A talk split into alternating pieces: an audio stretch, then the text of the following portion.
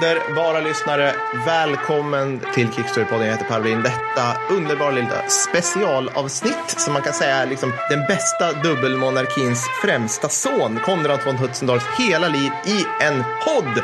Förbered dig för ära inlindad i konjak doppad i cigarrök. För så här är det. Det här är ett stretch goal som ni har uppfyllt genom att ni är så här fenomenalt många, mer än 750. Så det var ett litet tag sedan. Ni har gjort er, ja, ni har gjort er förtjänade utav det här helt enkelt. Och det ni vill ha, det ger vi er. Det är inte ibland svårare än så. Stort tack för att ni finns. Stort tack för att ni gör det här möjligt. Och vill ni ha flera sådana här avsnitt i framtiden? Ni som inte är patrons än, varför nu inte skulle vilja vara våra arbetsgivare, så blir ni det på patreon.com slash kickstorypodden. Tack så hemskt mycket.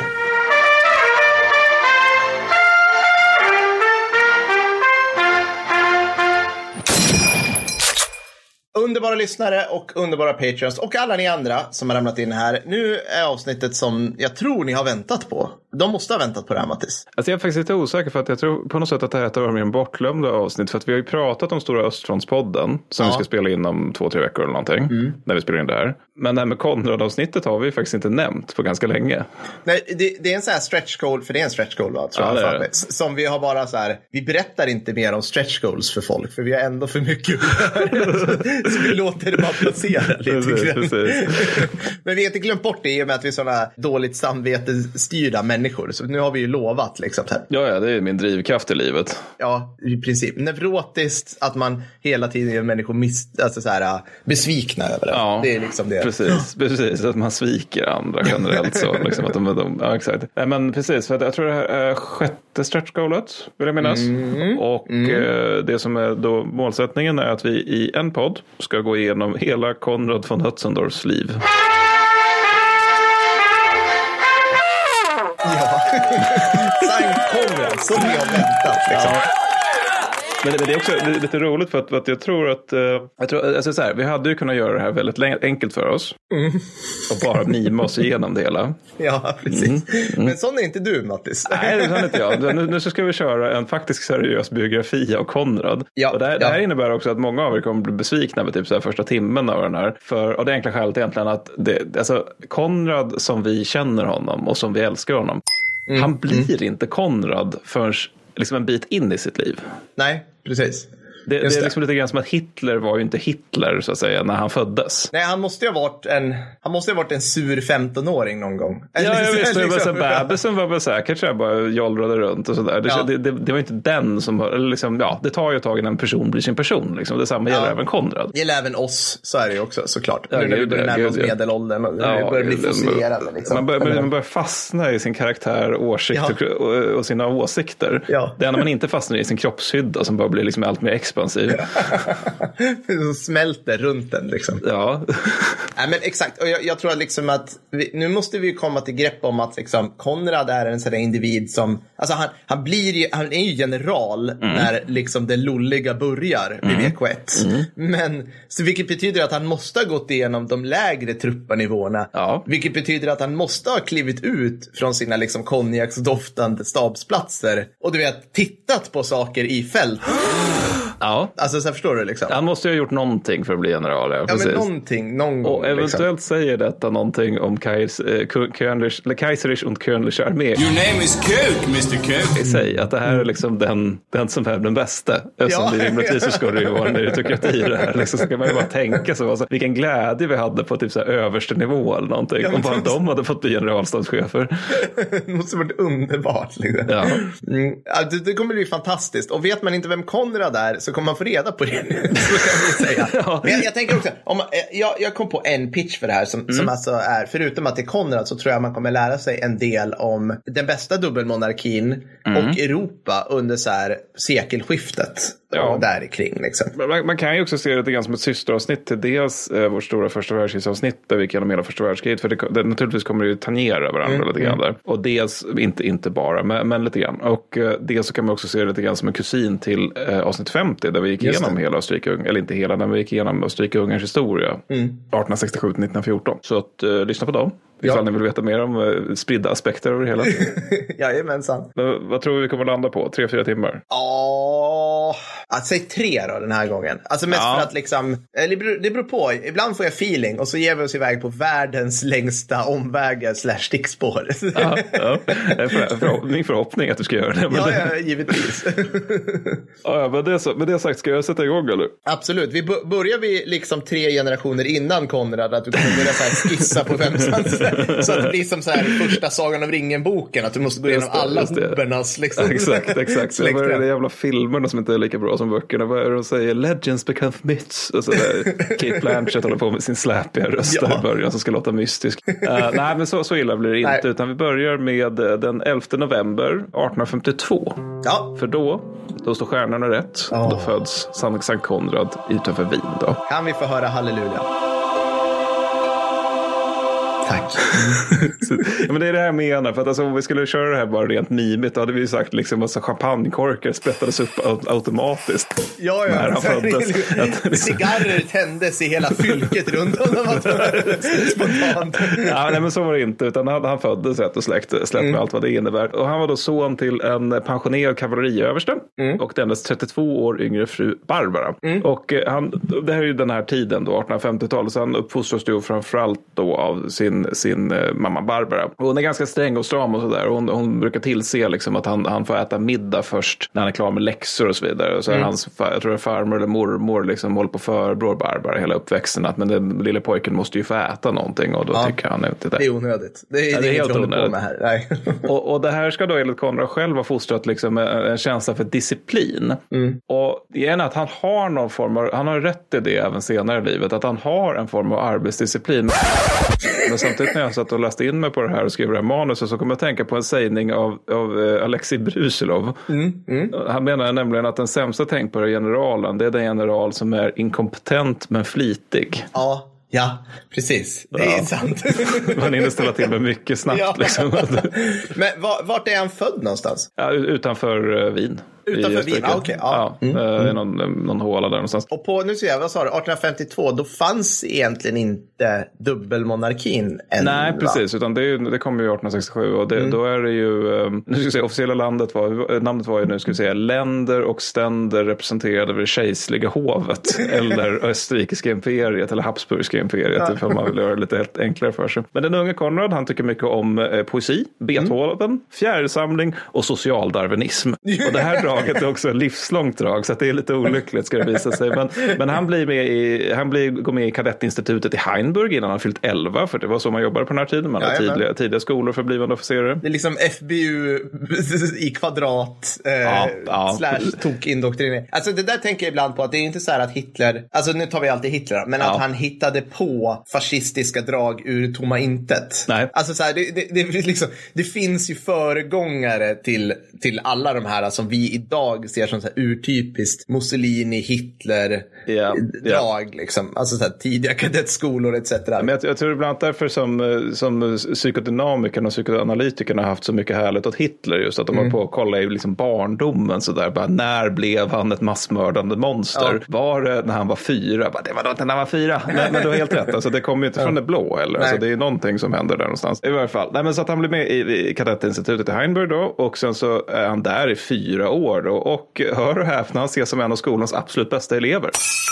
Jaha, okej. Och ma- mamma Barbara hon, hon släpper iväg hela familjen då till Heinburg som ska kunna domdera över Konrad även när han pluggar. Och det här tycker jag man får liksom så här lite MacArthur-känsla över det hela. Där har vi det ja. Ja, nu äntligen, ja, det- vilka bra paralleller vi kan dra här. Vad kul att Ja, du tog ja, men det. de har många gemensamma drag där. I- Inklusive att eh, Konrad, liksom MacArthur, för honom är de viktigaste personerna i hans liv så är det framförallt kvinnor. Just det, mm, precis som MacArthur. Mm. Ja, precis. Så, för, I olika liksom, relationer sådär. Och det kommer vi också återkomma till. Vi kommer återkomma till mycket kan jag säga. Och därefter så går han i liksom, liksom, österrikiska motsvarigheten till West Point, vilket är då Teresiska militärakademin. Okej. Vilket jag vill minnas är instiftat av Maria Theresia, eller i varje fall så är det efter hennes, efter hennes namn. Hon hade en god relation till armén. Som också ligger i Wien, eller? Ja, och hon, hon, brukade, hon brukade, det här är ju inte lite stickspår, men hon brukade ta, när hon på sin åldershöst så brukade hon ta de unga löjtnanterna och låta dem sitta i hennes knä. Så kunde hon liksom köra rida, rida ranka med dem i knät och sådär. Ja. Hon hade väldigt god relation till armén. När blev man löjtnant? Var det livsroller?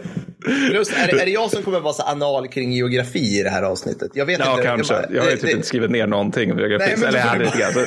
jag, får, jag får improvisera. Ja, Per, det var i nordöstra eh, delen av... Galicien. Det är alltid Galicien. Ja, ja, Galicien. Bra. Men även där, även där så gör han bra ifrån sig. Alltså mm. att även, mm. även, där så är han, eh, där kommer han som plats fem på 15 i en klass på 142 när han har fyllt mm. 19. Och det är alldeles utmärkt resultat. Det är jätte, jättebra. Absolut. Det är jätte, jättebra. Och han pluggar väldigt mycket historia också. Det är också ett livs, livslångt intresse. Han tycker historia är svinintressant. Mm. Och eh, via militärakademin så lär han sig då på eh, att citat halvmesyrer alltid misslyckas. Mm. Han ska liksom alltid göra allting på en mm. gång. Liksom. Man ska mm. inte liksom göra någonting halvdant. Och han lär sig också att darwinistisk kamp mellan nationer är oundvikligt och dessutom önskvärt. Det är liksom ah. rakt av bra. Mm. Precis det de lär ut på Karlberg nu för tiden. Alltså, ja, men, men det här är också något som ligger väldigt, väldigt mycket i tiden. Ja. Alltså, det var ju väldigt många sådana här, den här typen av dumma tankar som förekom under andra halvan av 1800-talet. Just ja. man hade hittat Darwin eller snarare Darwin hade hittat Darwin och sen så blev det att man försökte applicera på människor och nationer. Men det mer positiva det är att han eh, på militärakademin också får umgås med imperiets alla folk som kadett. Då. Ah, och det gör ju då också att han lär sig, liksom, för det var ju en del av tanken, han lär sig bli Kaisertrau. Alltså han lär sig att se liksom, den här troheten och lojaliteten till kejsaren som över liksom, eventuell nationstillhörighet. Det var ju det som var idealet för österrikiska officerare. Just det, det här är skitintressant. Vi kan lägga upp lite bilder på det här. Det finns, finns ett schyssta bilder där man ser liksom att ett gäng officerare svär trohet till kejsaren. Alltså mm. de ställer upp sig och jag tror att kejsaren är där, alltså Frans mm. Josef. För det här är precis det du var inne på förut, att här, som vi har tagit upp i Stora Österrike-Ungern-avsnittet. Ja. Hur,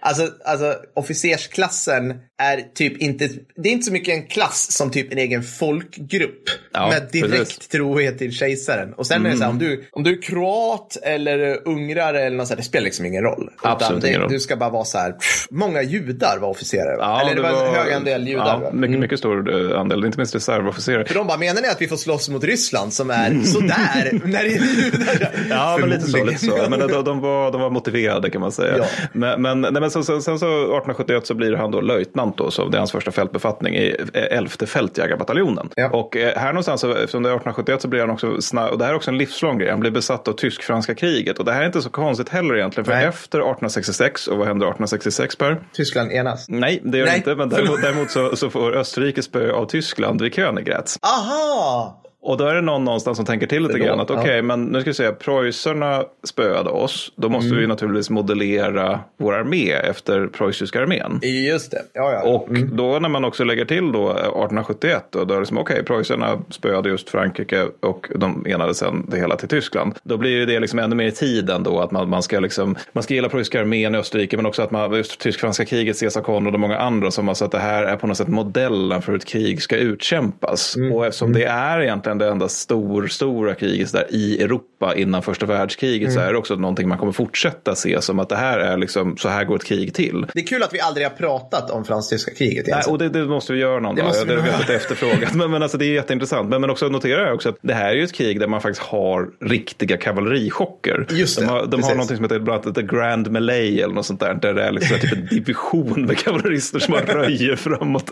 Och det, och, och det, det tänker jag också kan vara något att ha i bakhuvudet för framtiden framtida krigsinsatser ja, för Sankt ja. ja. men kul, eh, kul det här liksom att så här, vi, vi, vi fortsätter lajva Napoleonkriget ett tag mm. till. För att vid det här laget så, ja men vad var det du sa Mattis i något tidigare avsnitt? Så här, men det här med snabbskjutande artilleri, kulsprutor och sånt där. Det är sånt vi använder mot svarta människor i ja, andra precis, delar av världen. Det, vi, här i Europa, då är det fortfarande sabel och kürassiärer. Ja. Då är det lite ordning fortfarande. Liksom. Ja, men sen också det med att, alltså, att teknologin har ju ännu inte riktigt, framförallt inte minst när det gäller artilleri, inte kommit så långt. Alltså fransmännen Ryssmännen har ju liksom någon form av så primitiva kulsprutor under ja, fransk-tyska ja. kriget vill jag minnas. Men de är ju just primitiva. Det mm. finns inte så många av dem, de har inte så jättestor effekt på slagfältet. Så de kan man liksom, sen när man planerar då efter 1871 så kan man ju tänka bort dem för att de var inte så vanliga. Och, eh, sant, så. Sant. Men oavsett så, eh, han fortsätter liksom sin ganska goda karriärsprogression. Alltså att 1874 så går han med i krigsakademin och det här är då vägen till generalstaben. Mm. Och här, alltså, det här är så inåt helvete hardcore undervisning undervisning. Alltså de har två års utbildning och det, mm. det är ju inte så långt. Liksom. Det blir ju typ socionom på eller om det är tre år eller någonting. Men, men det, de här människorna... En antiutbildning, socionom. det var socionom. Ja, men alltså, de, är ju redan, alltså, de är ju redan officerare så de har redan hela utbildningen i ryggen. Ja. Men av de som söker Då är det ungefär tusen varje år som söker. Mm. Då tar man in 50.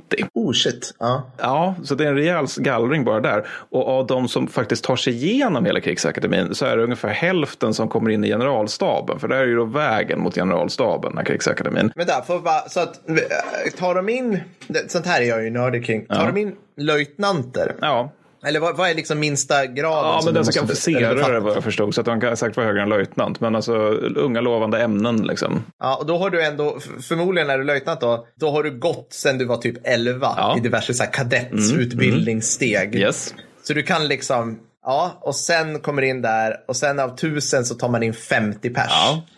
Ja, av dem så kommer 25 pers få komma in i generalstaben på lägsta nivån. Ja, antar och de, de andra, ja. de som inte kommer in, de har ju det här på CV, så det är ju bra naturligtvis. Men alltså det är en jävla gallring här. Alltså, så att det är Ja, liksom ja, bara de riktigt ja. duktiga som hamnar i generalstaben. Så här är det inte i svenska försvarsmakten.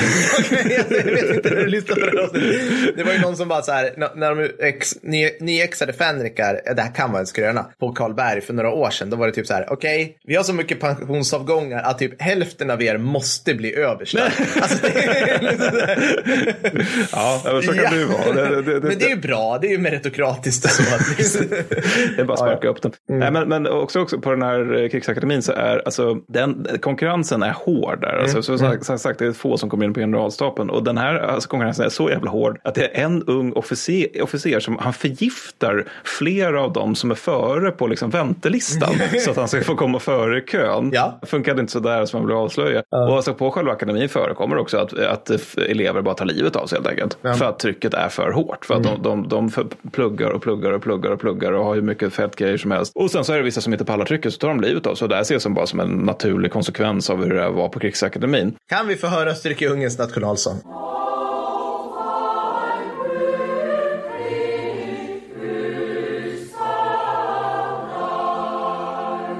Tack så mycket.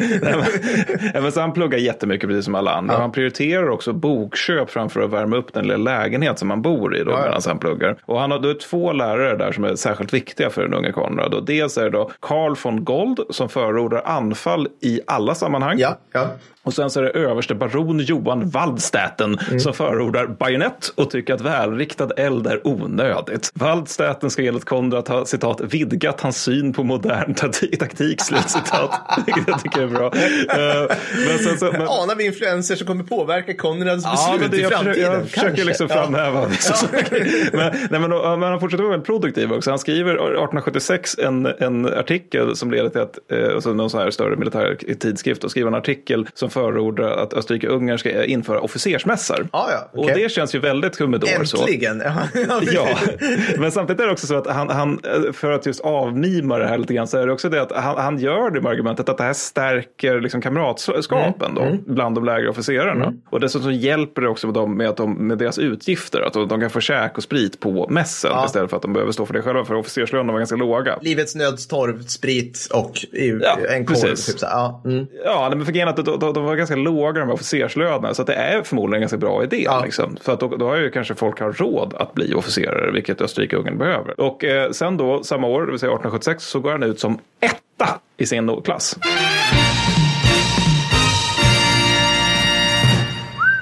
All right. Mm. Fortfarande svåra MacArthur-vibbar eh, på allt det här ska jag säga. Men också, ja, e- exakt, men också, också att det går ju svårt att komma ifrån det här med att han är så här långt duktig. Ja, ja, visst. Vi har liksom inte haft egentligen orsak till att liksom klanka ner på hans gärning just. Nej. Men oavsett så, han hamnar då naturligtvis i ett kaval- kavalleriförband Ja. på landsbygden. Och där fördriver han tiden med framförallt att läsa böcker. Så han läser Darwin och Sch- Schopenhauer, vilket gör att han nu citat förstår alla aspekter av världen, slutcitat. Vilket är... Det är bra med Schopenhauer, den peppigaste av alla filosofer. ja, ja, ja. men, men sen så 1878 då, den 28 mars så dör hans gamla pappa då. Och eh, Konrad kommer en timme för sent då för att ta farväl av sin far då. Och sista gången de sågs då, då var pappans sista ord eh, lite ironiskt att han hoppades att Konrad aldrig skulle behöva uppleva ett krig. Ja. För pappan själv hade väl jag minnas utkämpat Napoleonkrigen. Men men, samma år då så anmäler han sig frivilligt till Bosnien då. BA01. Nej. Precis, B- PA, the original Ja, the ones. original. Precis. The OG Bosnian PA någonting. Men det, exakt, men han hamnar som frivillig där då för att infogas i fjärde divisionens stab. Då. Han vill egentligen vara tillbaka i fjärde, elfte fältjägarbataljonen som han haft tidigare. Vilket ju också är liksom så här, de kommer ju faktiskt se strid och han, och han vill vara där. Men han hamnar på staben istället om han inte ser strid. Då. Men han kan trösta sig mot detta med att de passerar, hans division passerar ärkehertig Albrechts vinkällare när de marscherar ut. Då. Och han konstaterar nöjt senare då att han fick med sig många fina vita och röda flaskor av just Albrecht. Vilket också känns mycket Österrike. Ja. Men väl i Bosnien då, så det första han gör det är att han stormar från första ledet Sarajevo och sätter personligen dubbelmonarkins örn på stadens citadell.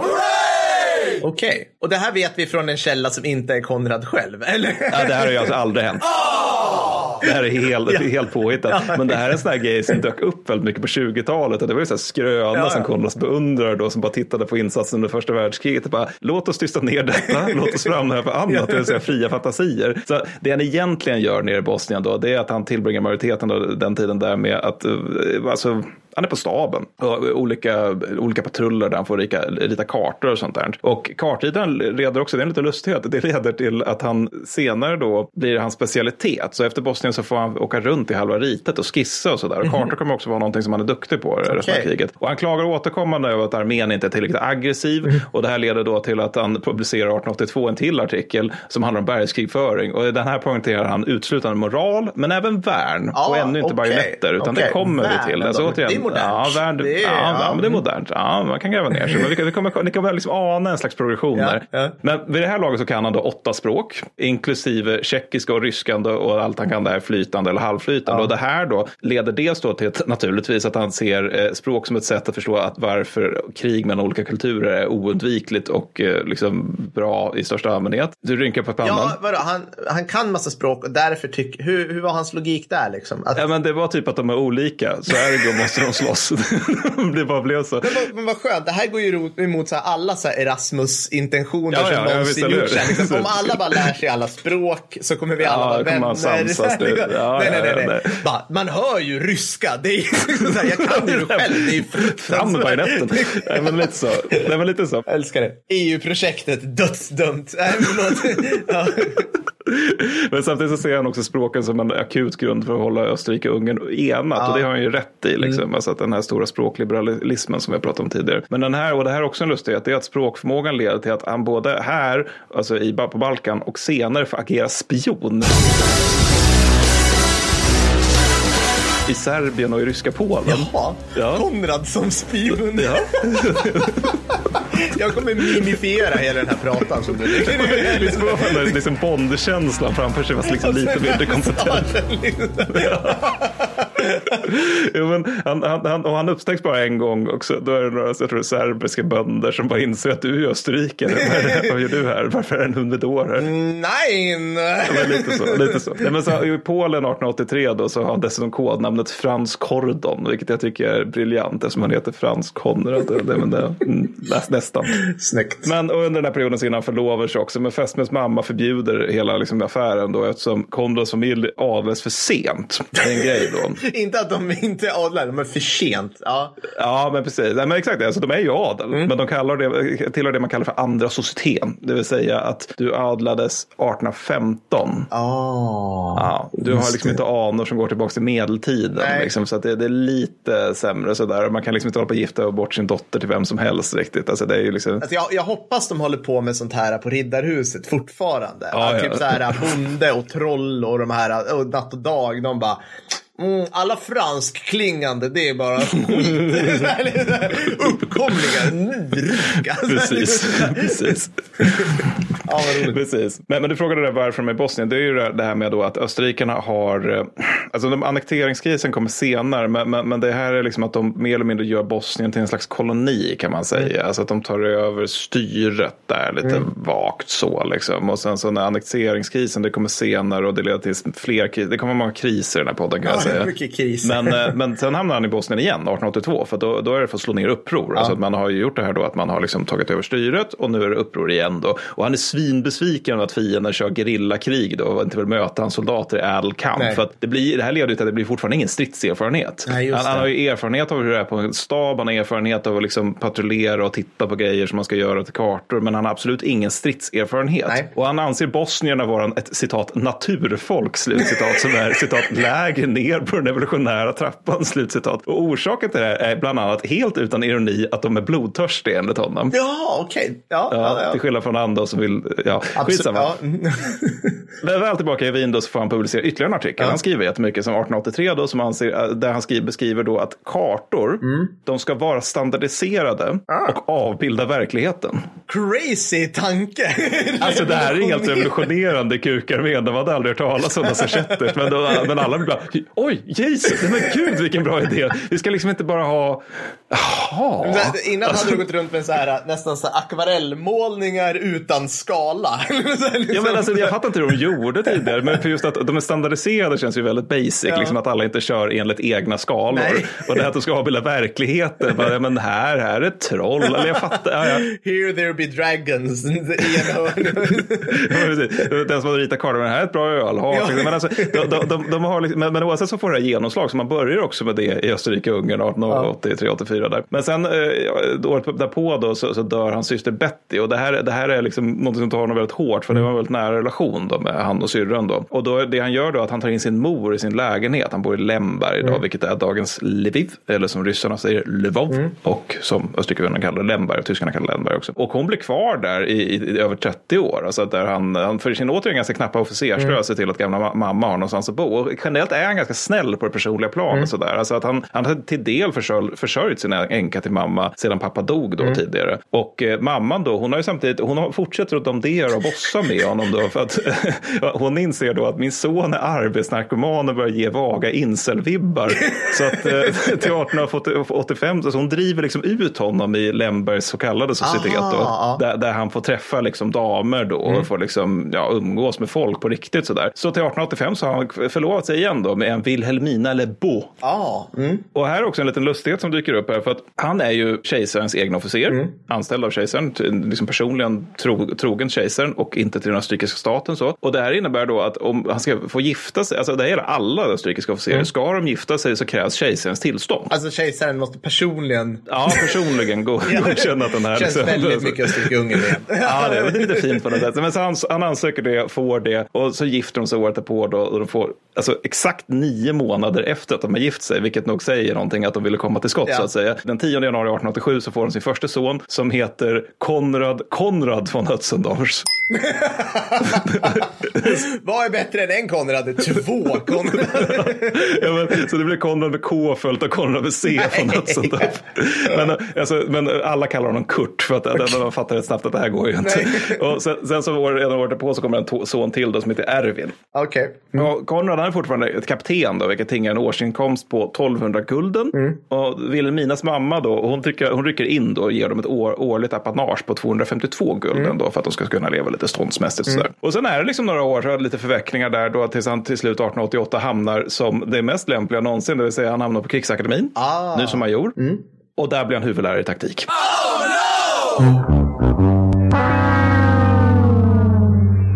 Ja. Så att, Allt vi vet om Konrad så är det här perfekt. Ja, ja, det, det blir bara bra. Nej, men så att, eh, han, eh, alltså att han flyttar över fru och barn då till Wien. Och sen så visar det sig att han, återigen, han är duktig. alltså, ja. han, han är en utmärkt pedagog. Han, han avgudar sina elever och liksom de, när de sen liksom är vuxna officerare så, där, så, så får de sina elever Ja. att avguda mm. Konrad. Så att det är liksom, han, han, eh, han liksom skapar på någon som, via att han är lärare skapar han liksom någon form av generationell dyrkan för Konrad in, inom officerskåren. Och han är som sagt en jätteduktig pedagog. Det är lite tråkiga då, det är då att 75 procent av det han lär dem är att moral trumfar det mesta. Ja, och att han har en citat orubblig tro på offensiven, slutcitat i alla lägen. Och där sitter några från Japan och bara mm, det här gillar vi. Alltså, perfect. Vi kommer komma till japanernas syn på Konrad. Nej, Eh, är det sant? Jag har letat här kan jag säga. Men, nej, men, och, det här, men och även det här liksom klingar ganska väl med en generell österrikisk övergång Mm. när det gäller liksom, taktiska förfaranden. Så. För den, den blir liksom under det sena 1800-talet allt mer betonad så extremt aggressivt uppträdande på slagfältet. Då. Man ser liksom som att generellt som att artilleri ska mer mjuka upp och infanteri ska avgöra. Mm, Och det här avgörandet sker ju då de sista metrarna med bajonetter Givetvis, naturligtvis. ja. Och här någonstans så börjar Konrad allt mer bli den vi tänker Mm. oss som Konrad. Han är inte riktigt där än, men, alltså, men han ser de här nya manualerna och bara nickar Mm. mycket, mycket gillande. där. För han är ju med på det. Han tycker också att moralen är viktig och bajonetter är den yt- ytterst, yttersta liksom, manifestationen för, för moralen. Ja. Och sen då kommer nästa, det här är en smärre katastrof, men det vet ingen än. Men det är att han år 1891 publicerar en taktikläroboken om, som heter Om taktikstudier. Den är 8 825 sidor. Mm. Ja. Mm. Det är ett mischmasch av lösa tankar. Enorm betoning på anfall, vilket uppenbar, upptar majoriteten av boken. Ja. Grundidén är liksom så att vilja och moral, det är det som fäljer avgörandet. Och varför krig ytterst vinns genom att utsätta fienden för vad Konrad kallar för en citat moralisk förintelse. Och det här är ingen dum idé om man tänker krig i politik med andra medel. Just det, just det. Ja. Moraliskt fritt. Ja. Mm. Ja, men det här är ju taktik, va? inte strategi eller diplomati. Ah, just det. Och där någonstans börjar det bli en dum idé. För att nu handlar det om låga nivåer. Nu handlar det snarare om att man tänker sig moralisk förintelse så, i, så som att en bataljon ska besegra en annan bataljon moraliskt. Och att man tänker att moralen väger tyngre på ett 1900-talsslagfält än materiellen. Är du med jag tänker? Ja, ja, exakt. Det är som att, det är som att liksom nästa Soldef skulle komma ut och så står det så här liksom Sveriges unika plats i världen gör att vi Mm. så här otvetydigt måste nyttja liksom folkets inneboende egenskaper. Och man bara står så här bläddrar så bara, vilken skjutställning ska jag ha? Nej, det står Ja, ingenting. Utan lite jag så, ska ja. liksom med vilja trumfa folket. Hur ska jag manifestera den svenska folkgemenskapen? ja, men precis. precis. Hur, Ja, roligt. Mm. Nej, men så, så, så att han ägnar då många, naturligtvis många av de här sidorna i den här 825 sidor tjocka luntan mot bajonetten Ja. och dess vikt. Och fältarbeten avfärdas nu som en citat mani. Så det krävs inte så många år för att han ska helt glömma bort det här med att befästningar kan vara en grej. Det som att värn kan vara en grej. Men samtidigt så är det förvånansvärt mycket eh, utrymme som man ger åt artilleriet då. Men, men, men och tredje sidan så är det också det här med att han inser att anfall kommer leda till förluster. Vilket han godtar så länge soldaternas moral är god. Alltså det, det här är någonting som är återkommande genom hans, hela, genom hans liv. Att, alltså att moralen kommer alltid trumfa dels materia men dels också alltså att om du har en bataljon som just tillfogas 50-procentiga förluster är det lugnt så länge andan är god. ja, okej. Ja, och det kan, inte, det, det kan säkert inte få några negativa bieffekter. Absolut inte. Det har jag svårt att tänka mig. Mm, mm, Ja. och sen så, då, sen så också på klass, klassiskt sen- sent 1800-talsmanér så får de ju också eleverna som läser om taktikstudier får ju också taktikproblem då. Och då är det alltså en problemformulering för fråga ett, den är 132 sidor. så då kommer det som en separat bok, vilket jag tänker måste vara en mardrömstenta att ta sig igenom. Men det som jag nämnde ju det här med att det här är en smärre katastrof att den här publiceras. Och det är ju för att du har ju själv att det här kanske liksom inte är perfekt bok, manual sådär för 1900-talslagfältet. Nej, nej. Precis, för nu börjar vi faktiskt hamna, du sa, nu är vi inne på 1890-talet. Det börjar hända en del grejer. Det Alltså, börjar hända en del grejer. den vapentekniska utvecklingen går snabbare och snabbare, skulle man vilja påstå. det gör den. Det gör den. Och då har vi då det här problemet. Det är att om taktikstudiers inom kukararmén, den ses som marginellt mindre viktig än Bibeln. och är nära nog alltså, obligatorisk läsning för österrikisk-ungerska officerare. Ja, ja, Ja, of course. och det här, de har många år på sig att läsa den här innan första världskriget. Jajamän.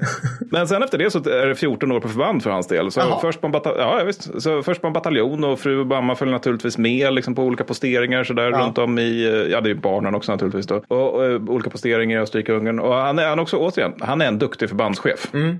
Ja, han är, för han är major nu, så han Mm. är ju chef över bataljon A och liksom, mm, okej, yes. Och, och det här är också någonting som, ja, när jag höll på att skriva en manus så började jag allt mer fundera på om det är så att stackars Konrad helt enkelt led av Peters princip. Mm, just det, precis. Alltså att han kanske borde varit här någonstans med Ja. bataljonen och mysa liksom. För, Ja. att, för att det, det, det är han bra på. Alltså, hans förband upp till, för han blev snart liksom som divisionschef. Och De är alltid några av de bäst drillade i Österrike-Ungern. Alltså där han gör duktiga soldater på den taktiska nivån i grund och botten. Och sen 1895, man blir liksom överste regementschef, äter många middagar med andra officerare naturligtvis. Det är det man gör när man är överste tror jag. jag vet inte Det riktigt. gör man, Ja. precis. Nej, men, men, alltså, nej, men, han- men det, är också, det finns en positiv aspekt av det här. För att det gör ju att det finns liksom väldigt socialt starkt bygge i hans eh, regemente.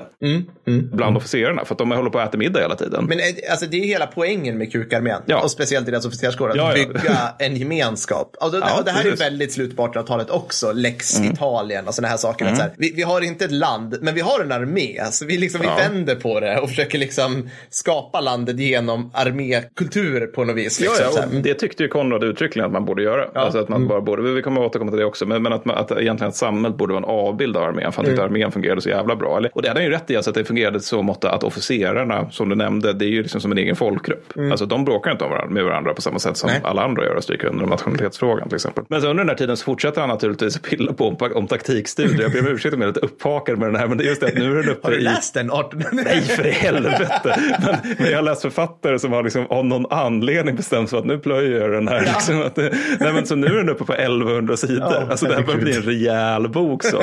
Och det som har hänt är att bitarna om offensiv blivit längre. Alltså Ja, den har ja, förlängt ja. det som handlade. Så att vi inte missförstår eller missar den poängen att anfall är viktigt. Liksom. Ja, nej, nej, nej precis. Vi behöver ytterligare 200 sidor för det. Ja. Men så att, och det har liksom bitarna med artilleri också, men samtidigt är det tydligt att artilleriet är liksom extremt underställt infanteriet. För artilleriet tar lång tid. Han vill att det ska gå snabbt där. Liksom artilleriförberedelse, släppa fram pjäser sånt där. Det är jobbigt, det tar lång tid och sådär. Så varje, varje utgåva av boken så blir offensiven allt mer avgörande och defensiven allt sämre. Och problemet är ju då som sagt att tusentals österrikiska officerare läser ju eländet och då liksom blir ju Konrad än mer vördad inom kukarmén och det är inte heller bra. Så än värre, år 1900 så släpper han boken citat stridsutbildning för infanteriet som de läser och uppskattar ända fram till 1917. Ja. Och den är inte alls lika lång men den är så här 255 sidor. 30 av de sidorna avsätts åt hur man ska genomföra frontalangrepp i citat helt öppen terräng utan skydd. Slutcitat. Bra, bra. Ja, jättebra. En halv sida avsätts åt kulsprutan.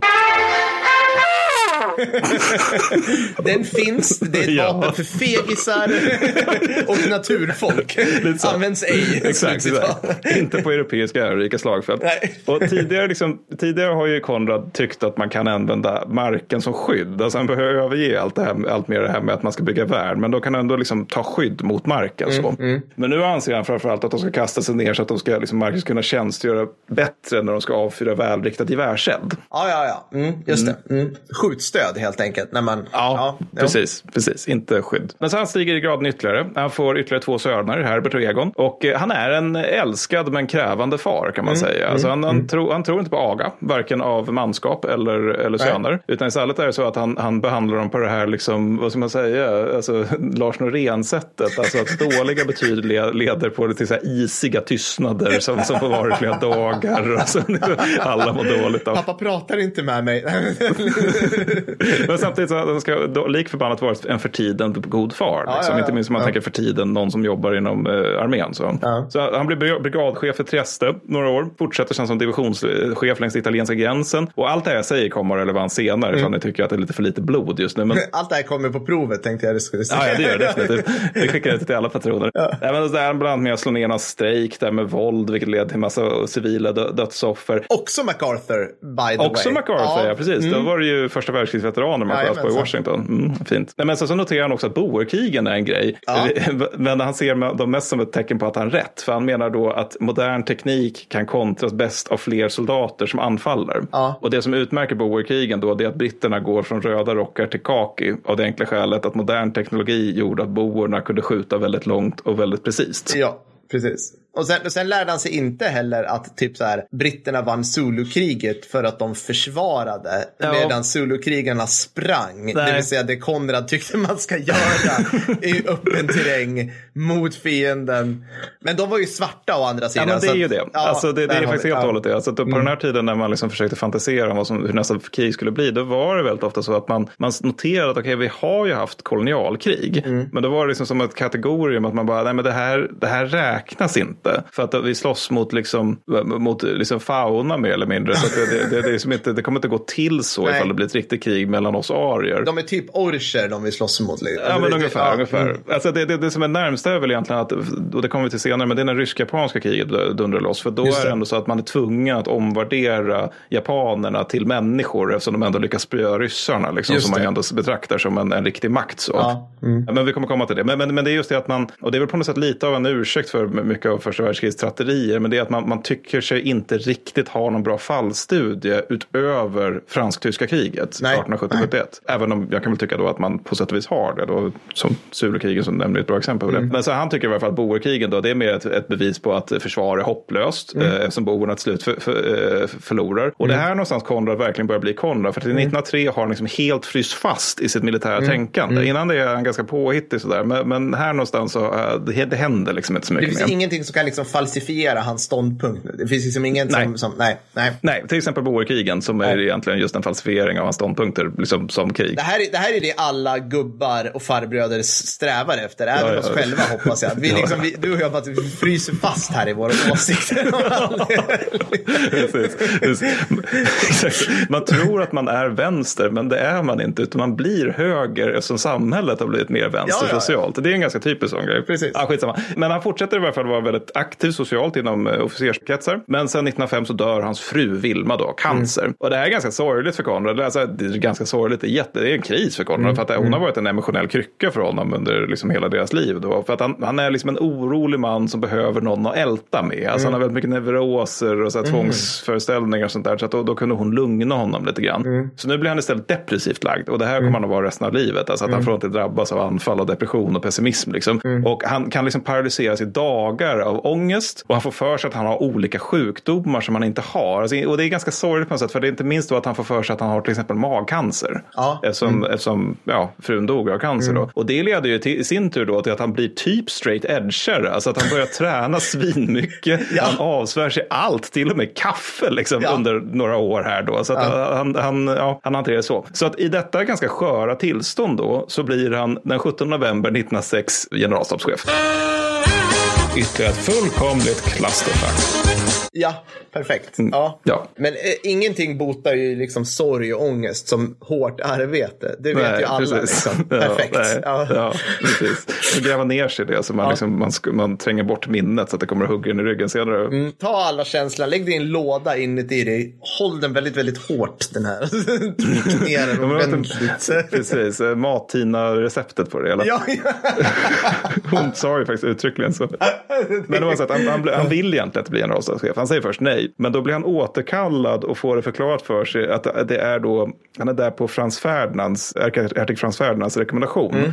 Och, om det då, och det har blivit känt liksom att Frans Ferdinand har rekommenderat honom. Och att det skulle vara så liksom jävla pinsamt för Frasse ifall han nekar. Ah, att han okej. får liksom, du får ta den här nu för det skulle inte se snyggt ut. Men han har, han har hängt någonting med liksom, alltså kungligheter innan det här? Eller liksom, Nej, de, de, alltså, det, det kommer nog nu kring den här perioden vill jag Ah, minnas. okej. För att det är mer så att, eller, alltså, han har ju varit med på en manöver och sådär där kungligheterna finns närvarande. Men också att han, han via sin, alltså, om taktikstudier och alla de här böckerna och artiklarna han har skrivit så har han ju liksom blivit känd i och utanför armén. Och eftersom liksom, Frans Josef, kejsaren, ett konservativt ser armén som sin personliga grej. Liksom, Ja, så de känner ju till liksom, vilka högre officerare som finns. Så, alltså, de, de tar det på ganska stort allvar, liksom, hålla koll på, på vilka som är generaler och vi är neråt. beviljar giftermål och sånt där.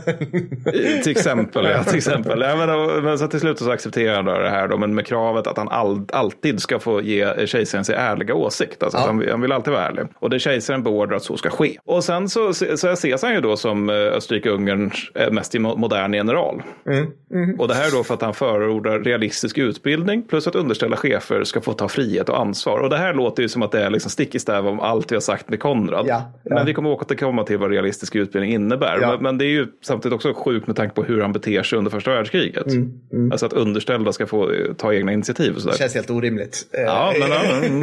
men, men, men, men grejen är ju också att han, han är ju en erkänd taktiker och Ja. saknar egentligen erfarenhet av strategi. Och nu ska han alltså kastas in i strategiska frågor. Mm. Och hans liksom, spontana känsla för allting är ju att länder ska vara aggressiva, att darwinistisk kamp mellan nationer är oundvikligt och Mm. att allt detta borde gälla även Österrike-Ungern då. Och att Österrike-Ungern ska då räddas via krig. Så, så han tar liksom liksom så här, en, en bataljon anfaller på sätt, det här sättet och så Ja. lägger han det på bara länder.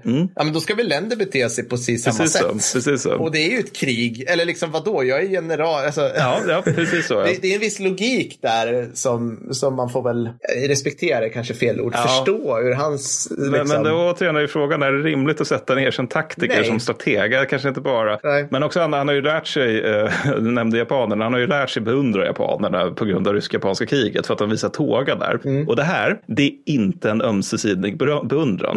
för det är liksom när en japansk militärattaché, och jag vill stryka under det här, det är en japansk soldat Ja, som ja. Får, han får se österrikiska ungerska manövrar 1905. Ja. Han bara skakar på huvudet och säger att den som inte gräver dör när han ser liksom kompanierna storma fram och tillbaka över öppet landskap. Och, sådär. och det här, så blir han liksom en plåga för stackars gamle Frans Josef. För liksom Frans Josef, kejsaren, han, han liksom, de får träffas en gång i veckan då när Mm. de ska prata om ja, men, hur ligger det till, hur är det med dig? Just där. Mm. Och jag tänker att Frans Josef, nog med sin liksom, Konrads föregångare mest hade trevligt. Liksom. Att han är en, en snäll gammal farbror liksom, Mm. Ja. som sitter där och pratar med en annan farbror om väder och vind och hur det går och sådär. Man tar en konjak och du vet så här, ja, liksom, ja. Ja, ja, men alltså Konrad jobbar inte så, utan han utnyttjar de här med, med, mötena för att aktivt underminera utrikesministern Ehrenthal och förorda utländska äventyr, vilket Frans Josef bara tycker är jobbigt. För liksom, Ehrenthal är liksom mer försiktigt lagd än Konrad och liksom anser att armén ska understödja diplomatin, medan Konrad tycker tvärtom. Ja, precis. Ja, alltså att diplomatin ska understödja armén. Och, så, och det här tillägg till detta att Konrad är ganska politiskt okunnig. Han, är liksom, han har varit officer hela livet. Han vet inte så jättemycket om partier och ideologier och sånt Nej. där. Och, för, och det gör däremot Frans Josef. För att han fattar att det vore katastrof för Österrike-Ungern med ett krig. Medan Konrad ser det som rikets, eller imperiets räddning. Då. Så Konrad han är liksom också övertygad om att han alltid har rätt. Och, att han, och eftersom han vill Österrike-Ungerns bästa så är det ju mer eller mindre landsförräderi att påstå att han har fel. Så eh, han blir liksom helt rasande när folk inte håller med honom. Och han är liksom, han passar verkligen inte in vid hovet alls. Alltså för utöver att han hela tiden kommer ihop med sig med Frans Josef, för att Frans Josef mer tycker, tycker att armén ska vara någonting han tittar på när de har manövrar och som är en sån här liten trevlig grej. Massa musikkårer ska Ja, liksom men det är existera. jättestora Ja. fina musikkårer i fina uniformer. Sådär, som Frans Josef kan sitta och vara nöjd med, gubbmys över. Liksom. Så, så är det liksom också att vid, vid hovet är folk ärkekonservativa, men det är faktiskt inte. I varje fall inte på det sättet, inte på det Nej. sociala sättet. Och de vill mest vara ute och jaga, ha det trevligt. Liksom. Medan han, han hatar jakt. De är svinkatolska, medan han anser att kristendomen är helt oförenlig med vad en soldat ska göra, vilket är ju faktiskt ganska konsekvent. Ja. Även om man för sig då också beställer minst ett större horoskop för att kunna se in i framtiden. Ja, då, ja, vilket är, det där- ja, det- Mysticism var också hett kring sekelskiftet, ska vi lägga Ja, in där. det var det i högsta grad. Nej, men, så, så, men sen också att då, vid hovet så ser man ju armén som för någonting som ska agera som en eg, enande motor för att stryka Ungern medan han mer ser den som någonting som man ska använda för att sätta bajonetten i omvärlden. Då. Och dessutom så eh, blir ju, när medan åren går, då Frans Josef allt mer gubbilsk på Konrad. För att Frasse vill ha, han vill liksom inte ha en armé att kriga med som sagt. Och Konrad överöser hela tiden stackars kejsaren då med, med, med memon och skrivelser om hur härligt det vore om allting bara kunde vara liksom mer krig. Men jag, jag ser ju Konrad framför mig nu som en slags, den här individen man har på arbetsplatsen som har någon diagnos och som så här, man står och minglar och han kommer fram och bara, ja, eh, igår så tog jag på mig själv tills jag somnade. Hej då. Nej men du vet, så, som bara säger så här, blub, liksom. Alltså eh, total faux pas individ liksom. Ja, precis. Ja, ja, men, också för att det här det, det, det är väldigt brist på fingertoppskänsla i största allmänhet. Det, det här rimmar inte alls med vad någon vill egentligen Nej. den övre eh, österrikiska ungerska ledningen. Och också att det är ofta liksom lite apart. Alltså Ja. till exempel så är det att han, han noterar att ryssarna, de är försvagade efter rysk-japanska kriget. Mhm. Just För då det. är det så här, det är massa folklig oro, de har tappat massa slagskepp, det, det är Ja. bara, det är bara så mycket trams och trubbel i Ryssland. Så han noterar detta och bestämmer, kräver därför av kejsaren att vi nu omedelbart måste förklara krig mot Italien. Uh, scusi? Ja. Ja, ja, som man är allierat med sedan 1882. Och, och när han inte får som han vill så hotar han konstant med att avgå. Vilket också är sunt. Så då får han liksom, så här, tigg, liksom lockas tillbaka med så här, liksom vänliga ord från kejsaren. Då. Fran, men, då, men han sitter ändå för att Frans Ferdinand vill att han ska hänga kvar då? Eller liksom? Ja, Frans, ja, deras relation blir sämre och sämre. Men Frans Ferdinand tyckte mycket om Konrad. För att Frans Ferdinand hade ju det här med att han var gift med en, hur var det nu, en kvinna som var adlig men av för låg adel. Mm-hmm. Och eh, det, det var någonting som var en stor snackis, tisseltassels skitsnackgrej i det österrikiska hovet. Och, men Konrad, han, han till hans ära faktiskt, han, han brydde sig inte om det utan liksom var artig och trevlig mot, mot, eh, mot Frans Ferdinands hustru. Då. Så de tyckte om varandra på det personliga planet. Men sen ju mer tiden går så tycker ju Frans Ferdinand att Konrad är lite jobbig sådär. Liksom. Och Frans Josef också. Alltså b- båda stör sig allt mer på honom. Men samtidigt gör han en del bra också. Han, han har ett ganska omfattande reformarbete. Bland annat förordar han att Österrike-Ungern ska ha 1200 flygplan. Det är många flygplan även idag. Ja, skulle jag vilja det är det. det, är det. Och, och, det- så det, är, och det är också väldigt framsynt Ja, faktiskt. med tanke på att flygplan var typ så här äh, en lådbil med snören och tyg Ja, på den tiden. ja. Max liksom. Mm. Ja, men han inser att det, liksom, det kan ju vara bra för spaning till exempel. Han förstår också att man kan nog använda det för markattackuppgifter där. Mm. Och det här sker inte på grund av Österrike-Ungern. En mening vi kommer att återkomma till. Men man, han tillser också att, att eh, generalstaben får en egen logistikbyrå. Ja. Vilket är kul, för innan så var det här någonting som operationsbyrån bara skulle lösa med andra handen. Liksom. Att, ja, ja, det, det går nog bra. Och han tillstår också att man går från eh, alltså, klarblå uniformer till blågrå grå uniformer. Och de här, de är ett uselt kamouflage på äng, men ändå ett okej kamouflage i bergslandskap. Så Ah, baby ja. steps ändå. Ja, Det, är inte, det är inte lika illa som, som uh, Pantalon Rouge i Frankrike. Nej. Och sen också, han är ju liksom inne, alltså man har varit på Balkan så är han mycket inne på det här med bergskrig och sånt där. Så han tillser också att det finns modern bergsutrustning. Och dels handlar det här om att han har varit på Balkan och dels handlar det också om att han, han vill ha krig med Italien. Ja, ja, ja. ja. Det är Ja. berg på vägen till Italien. Så det är bäst Ja, man liksom. precis. Det är bra. Vi har bergsjägare. Vem vill men- inte ha krig med Italien? Alltså bara precis. kadorerna finns, ergo vill jag inte att han finns. Fram och bakom Typ, liksom. Ja, det, hade varit, det kan jag inte hitta, men jag hade gärna vetat vad de två tyckte om varandra. Ja. För att, ja, jag, tror, jag tror faktiskt inte de skulle gilla varandra, för Connor känns lite mer avslappnad än kadorerna. Lite. inte, inte, inte fullt så mycket så här skjut alla meniga. men, men han talade italienska va? Alltså Konrad. Mm. Det gjorde han. Det gjorde han. Mm. Och då hatar man Italien för man tar, nej jag fattar. Jag får fortfarande inte antitesen till Erasmus. Det slumpmässiga hatet. Ja. Det, det har ju varit några göteborgare, som, det är ganska många göteborgare som har hört av sig till oss och varit arg på dig för att typ, typ en gång har sagt någonting kränkande om Göteborg. Men det är också en känslig fråga. Ja, det det är tydligen det. Ja. Fiskelägret på västkusten. Mm. Ja, det sa du igen. Nej, men då var det då. Jag nämnde ju det här med att han, han förordar realistiska övningar. Ja. Och det tyckte vi båda var ganska sjukt. Mm. Det, det var helt bananas. Yes. Ja, så att, och det, nu, nu får det liksom en konse- konsekvens också. För att han, Ja. han, han börjar, de har årliga kejsarmanövrar. Liksom, kejsaren ska stå och titta på armén liksom, och så ska den göra grejer. Så mm. Han reformerar dem då. Och tidigare har man ty, ty, tydligen, alltså har man kört liksom tydliga scheman och scenarion och sådär. Nu ska man istället bara liksom utkämpa en batalj. Så det går ju bra. Så det är ju bra liksom, att man ska liksom fokusera på striden. Så. Det som är mindre bra det är att blågul, alltså stridsdomarna, de instrueras att inte ta så allvarligt på modern eldkraft. så det är alltså Konrads form av realism vi Ja. menar här då. Ja. Så att det passar hans teorier. Alltså så att Ja, utfallet ska passa det han redan tycker. Ja. ja, och det här är ju lite olyckligt. Då. Eller orsaken till att det, det, det, han tycker det, det är att det skulle urholka soldaternas moral. Och moralen är ju krigsavgörande, så den måste hållas god. Super genius. Man ska alltså Smart. övningstekniskt ljuga för knäktarna då. För så att de, ja. Men, han för- förordar också snabbhet i framryckningen. Varför Mm. liksom, så här, befordringskåta officerare tvingar soldater att marschera tre gånger snabbare än vad som anses vara rimligt. Och det här leder ju att folk rakt av dör av värmeslag under Mm. Ja. de här stora övningarna. Men det här tycker Konrad är ganska värt för de, de marscherade åtminstone snabbt. Och Frans Josef han tycker inte alls om det här för att han, han, han ogillar liksom att han inte längre riktigt kan se vad som händer på slagfältet. Och. Han vill- Man sitter på en stol och tittar på när de liksom går fram och tillbaka. Men han liksom tvingas acceptera det på något sätt. Även om han, han liksom resten av livet så fnyser över att Konrad har tagit ifrån honom hans armé. Men sen har man också de här stabsövningarna där stabsofficerare är ute och rider liksom på landsbygden Mm. och ska, liksom, ska liksom teoretisera om, okej men här ska vi anfalla. Alltså det, är, det är som ett krigsspel i fält fast man har det utan soldater. De får liksom fantisera ihop bataljonerna. Det kallas för muntlig stridsövning. Eh, Tack, man tack. musar heter det i försvarsmakterna. Skitsamma. Mm, nej, men Ja, okej, ja. man mus, nej, men det är bra. För jag, Så, och de, ja, de gör det och de gör exakt på det sättet du beskriver, Ja. minus hästar. Ja. Alltså jag har varit med, de åker ut och så kliver de ur och så bara och så bara nickar alla till majoren och majoren bara "Mö, och så åker de tillbaka och eh, dricker kaffe. Mm, ja, men exakt så gör de här också. Och även de här blir mer realistiska. Och det man menar med realism då i Konrads värld, det är att man tar bort allting allting, så, alltså han beordrar bort friktion. Alltså de fiktiva styrkorna, Ja, de är aldrig friktion? trötta. Det- Ja, men det var jobbet. De alltså, fiktiva styrkor dyker alltid upp i tid. Ja. De är aldrig trötta. De Nej. har alltid gott om ammunition och mat och sånt där. Och det här ger ju då också naturligtvis österrikisk-ungerska generaler en överdriven känsla av vad som är möjligt. För de har ju övat på utifrån liksom icke-friktionsförhållanden. Och eh, ja, det får säkert inga negativa bieffekter. Absolut. Men sen den 20 jan- januari 1907 då sker ett ödesdigert möte.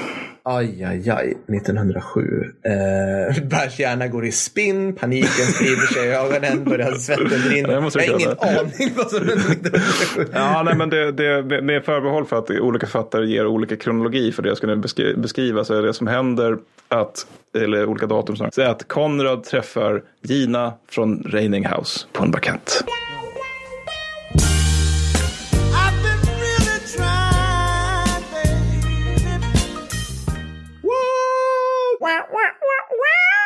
I don't wanna lay you down, baby.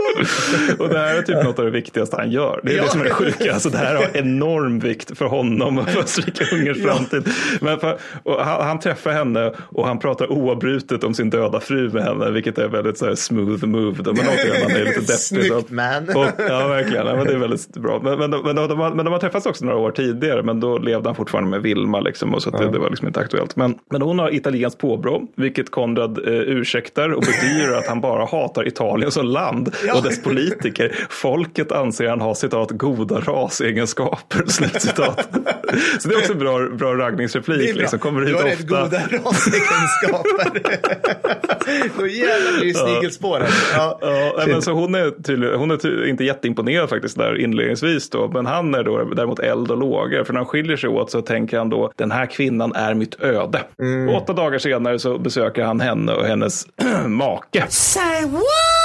Ja, ja. Eh, som, och därefter sker ett besök var sjätte dag. Alltså, Det finns han, ingen som helst awkward när det gäller det här. Varför finns det inte en romcom om det här? Ja, ja, det alltså, jag förstår inte. Den hade blivit Ja, men, underbar. men det är också så typiskt när man pratar om österrikiska generaler att det genast blir den här typen av skvaller snarare om det Ja. tyska generaler. Han var divisionschef, han sköt ett antal meningar för att de inte polerade kängorna tillräckligt snabbt. Alltså, det, det är bristen på uppstyrdhet. Men i alla fall då. Så i mars då, eh, 1907 så, så berättar han för henne då, för tidigare har han ju bara varit där på någon form av socialt besök, att eh, han är besatt av tanken av att gifta sig med henne och förkunnar, förkunnar henne sin eviga kärlek. Fantastiskt. Vad kul, vad kul att vi kan, jag måste bara säga det, kul i den här podden att vi lyfter upp en kvinna. För att skjuta Ja, det är inte så vanligt, det är tråkigt vi, vi tar Det- upp det- så ofta, men det här är ju verkligen, alltså hon är ju helt central för hur hela första världskriget utvecklas. På många Mm. Ja, sätt. det är det. Om det, om det blir mer. På inte det sätt hon tror.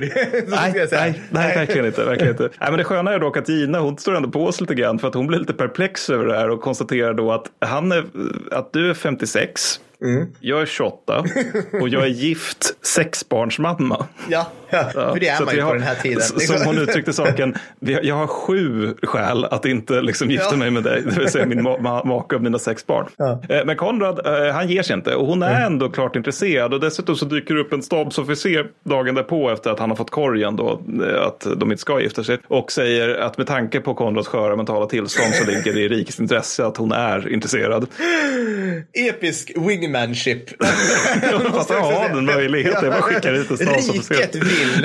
Ja, ja nej, men så är det. Men så de kommer fram till att, man kommer fram till efter lite olika, olika abrovinkar då att Gina ska få bli gift men att om det uppstår en situation där det är opportunt för henne att skilja sig så kan hon tänka sig Konrad. Och, då, då är det liksom att hon är så där lite grann och tycker att ja, men kärleken har gått ur mitt äktenskap och så där men ser illa ut om man, om man skiljer sig i den här tiden. Och också att hon är orolig för att hennes karl ska få, få vårdnaden om sex barnen. Det är faktiskt ett av de huvudsakliga hindren för att, för att de inte gifter sig tidigare. I Österrike på tidigt 1900-tal alltså. Ja, men, men det är någonting i stil med att kvinnor som ansöker om sk- skilsmässa anses vara omoraliska eller något där. Ja, Ja, ja. lätt Ja. ålderdomligt. De är ju hysteriska och eh, inte vid sina sinnesfulla bruk och allt det här. Exakt, såklart, ja, liksom. exakt. Livmodern man. ute och allt vad Ja. Men, men, men, då, men, men nu det börjar också det här eländiga brev, brevskrivandet.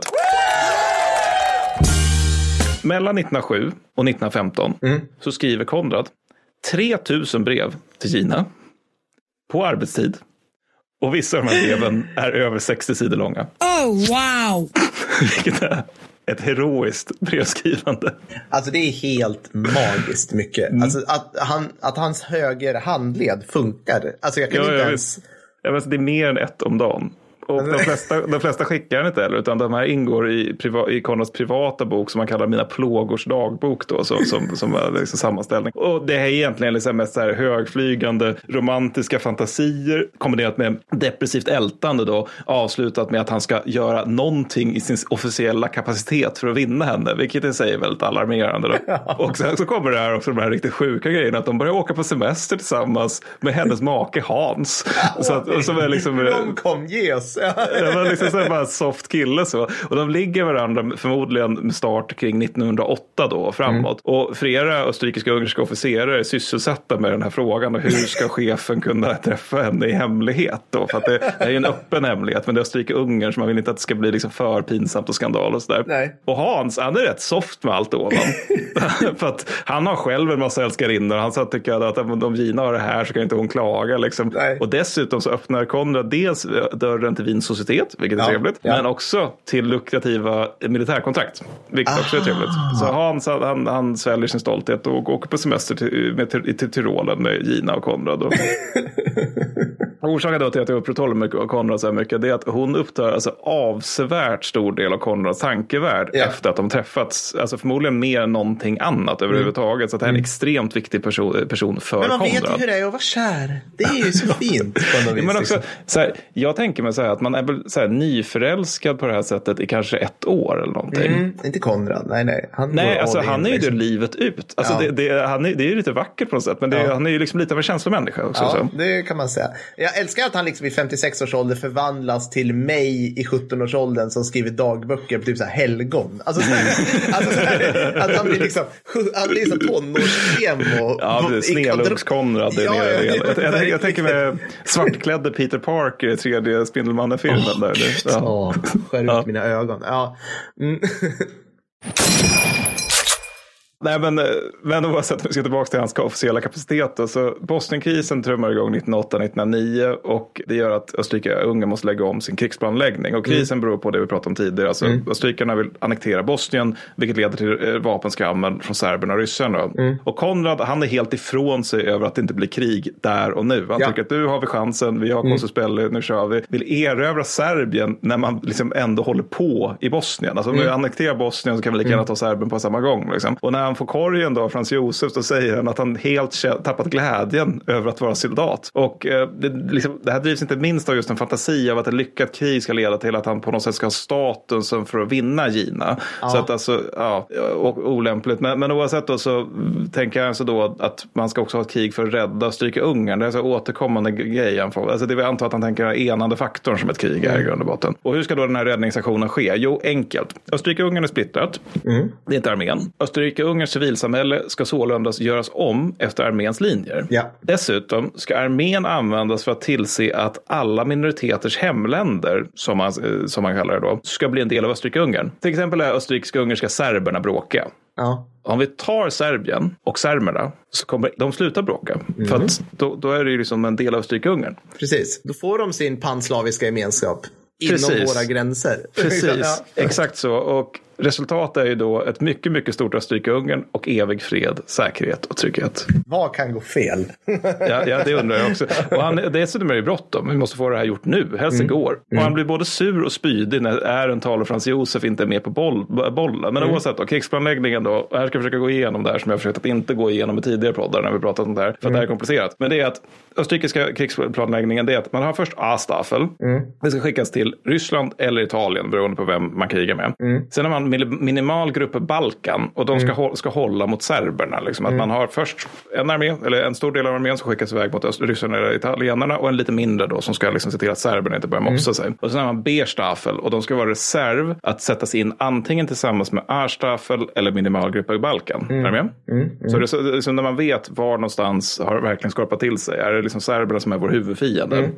Är det det? Ja, då kommer B-staffel dyka in och sätta sig in mot serberna. Är det ryssarna som är vår huvudfiende? Okej, bra, då skickar skickar vi in dem mot ryssarna. Mm. Så det leder ju då till att det är krigsavgörande vart Berstaffel sätts in någonstans. Mm. För skickas den till Serbien när man är i krig med Ryssland, då blir det liksom inte så lätt som för Arstaffel. För den är Nej. för liten för att kunna hantera hela jävla ryska armén Ja. och Österrikis dessutom själv. Ja. Så då därtill är ju då det här med att eh, Konrad eh, vet ju nu ingenting om strategisk järnvägsplanering. Nej, såklart inte. Vilket är lite olyckligt för att alla de här soldaterna ska ju åka järnväg då. Och det gör ingen annan i Österrike-Ungern heller. Vilket också är tråkigt. Så ergo är liksom inte de starkaste hjärnorna som får sitta och planera här hur tågavgångarna Nej. ska gå och hänga ihop och sådär. Vilket man då kan jämföra med tyska fallet då, där man satte liksom fullkomliga genier på att planera hur järnvägsavgångarna skulle ske. Ja. Och de blev till stor del vansinniga efteråt också enligt Ja. skrönan. Ja.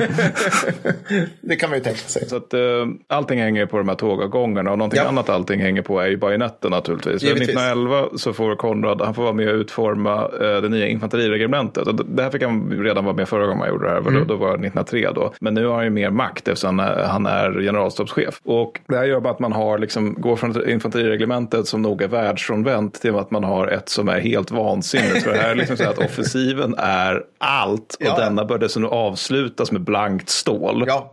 Och här tänker jag att man kan reflektera lite grann över det här, alltså nu tänker jag beskrivit det här, liksom. det börjar med, han förstår vikten av värn ändå. Ja. Ja. Ja, han nämner inte bajonetten i sina tidiga skrifter. Han gör inte det? Nej, han är ingen helt- bajonetter. Ja, ja, ja, okej. Men Värn är med liksom. Mm. Ja, värn är med och ingen bajonett. Sen kommer vi över till att det blir bajonett och kanske man får ta skydd mot mark- marken. Mm. Just det. Och nu är det att bajonett är ett krigsavgörande vapen i ett 1900-talskrig. Ja, någon, det är någon utveckling som har skett, men det är liksom på något sätt som en, det, det är som, det är som evolution åt fel håll. Liksom. Alltså det, det är så väldigt mystiskt hur det är till. Men, men, men oavsett då så, Jag ser, jag ser så här X och Y-axlar, så här bajonett och ära och där. Och då bara, oh, där, det, är liksom, det kan inte bli exponentiell ärautveckling här. Liksom. Exakt så. Nej, men, men, så. men den här krigsmakten ska, ska genomföra den här äran då, äran då. Den är grovt underfinansierad som sagt. Eller som vi hade nämnt i tidigare poddar. Och Konrad kräver fullt legitimt att kukarmén ska få mer cash. Frans Josef, utrikesminister Ehrenthal, de försöker då förklara för Konrad för 115 gången att Österrike-Ungern saknar territoriella anspråk och ambitioner och kommer bara för, försvara sina intressen om de anfalls. Ja. Konrad finner den här inställningen citat helt ofattbar. Slutcitat. Vilket är, ja det är bra. Men oavsett, alltså, samma år 1911 så hamnar Italien, italienarna i krig mot turkarna. Eller snarare så att Ita- Italien angriper Turkiet. Och Konrad han ser det naturligtvis där som ett lysande tillfälle för att liksom verkställa den här gamla manin han har. Det vill säga att angripa Italien. Ja, ja, ja. Ja, ja. Och Frans, Frans Josef han blir arg över det här och Ehrenthal han blir vansinnig och det här leder efter väldigt många gräl, eller väldigt, till väldigt många gräl mellan Konrad och utrikesministern. Och Konrad får till slut helt sonika sparken som generalstabschef den 30 november 1911. Eftersom han hela tiden vill ha krig och alla tycker att han är jobbig. Och han är rätt nöjd med det här för att alltså, han har ju ogillat både sina arbetsuppgifter och hovet. Och han är liksom äcklad och frustrerad över att inte alla andra hela tiden vill ha krig. Jämt med alla, samtliga eh, ständigt. Och där, dessutom så är det också att nu blir han istället så kallad inspektör för armén. Vilken är så här lite oklar, vag titel. Då där han ska runt och inspektera förband. Vilket han tycker är kul. Och det gör ju honom liksom mer tid att umgås med Gina. Vilket är ju egentligen det han vill syssla med. Kan hon följa med på de här inspektionsrundorna? Ja, hon kan ju åtminstone, om inte annat besöka dem. Hon besöker, ja vi kommer komma till hennes besök. Men, men det här är inte en ordning som håller i sig särskilt länge. För redan alltså i december 1912 så får han bli generalstabschef igen. Och orsak ett, det är att hans företrädare var en bizarr mystiker som var med i diverse hemliga sällskap. Och orsak två, det är att Balkankrigen har brutit ut och då börjar liksom Wien känna att det kan nog vara bra att ha liksom en generalstabschef som har lite mer som Konrads temperament. Så, För att det, nu är liksom krig här alldeles bredvid. Och så. Och en liksom viss Balkanerfarenhet också. Ja, ja, absolut, absolut. Och också att liksom, serberna ser ut att vinna det här. De blir större och Konrad har alltid sagt att serberna är läskiga. Liksom. Så Ka- Konrad han tackar ja och sen åker han hem till Gina och, har ett litet sammanbrott eftersom han, det nu är liksom väldigt, väldigt stressigt att Ja. vara generalstabschef. Han har liksom skrivit rast till verket och börjar kräva krig mot allt och alla, särskilt serberna. Begär krig mot serberna 25 gånger mellan 1 januari 1930 och för, eh, 13 och 1 januari 1914. Ja. Så varannan vecka. Ja, bara rimligt. Frans Josef, ah. Ja, men också att han, han och jag kan tänka mig att Frans Josef hade nog haft det ganska lugnt och skönt där inne. Att den här Ja. tidigare då, han pratar mycket om så här frimurar och liknande, men det är en där trevlig person liksom. Och sen så, nu kommer den här galningen då.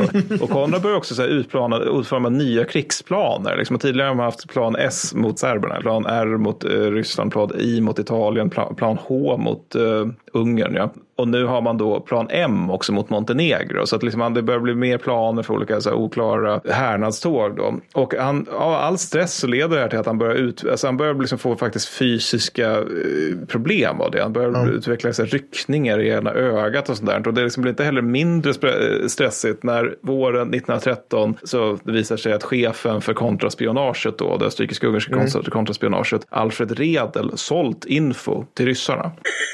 Mm. Kontraspionagets chef har gjort det. Jag bara ser hur så här magsåren öppnar sig på stora delar. Oj.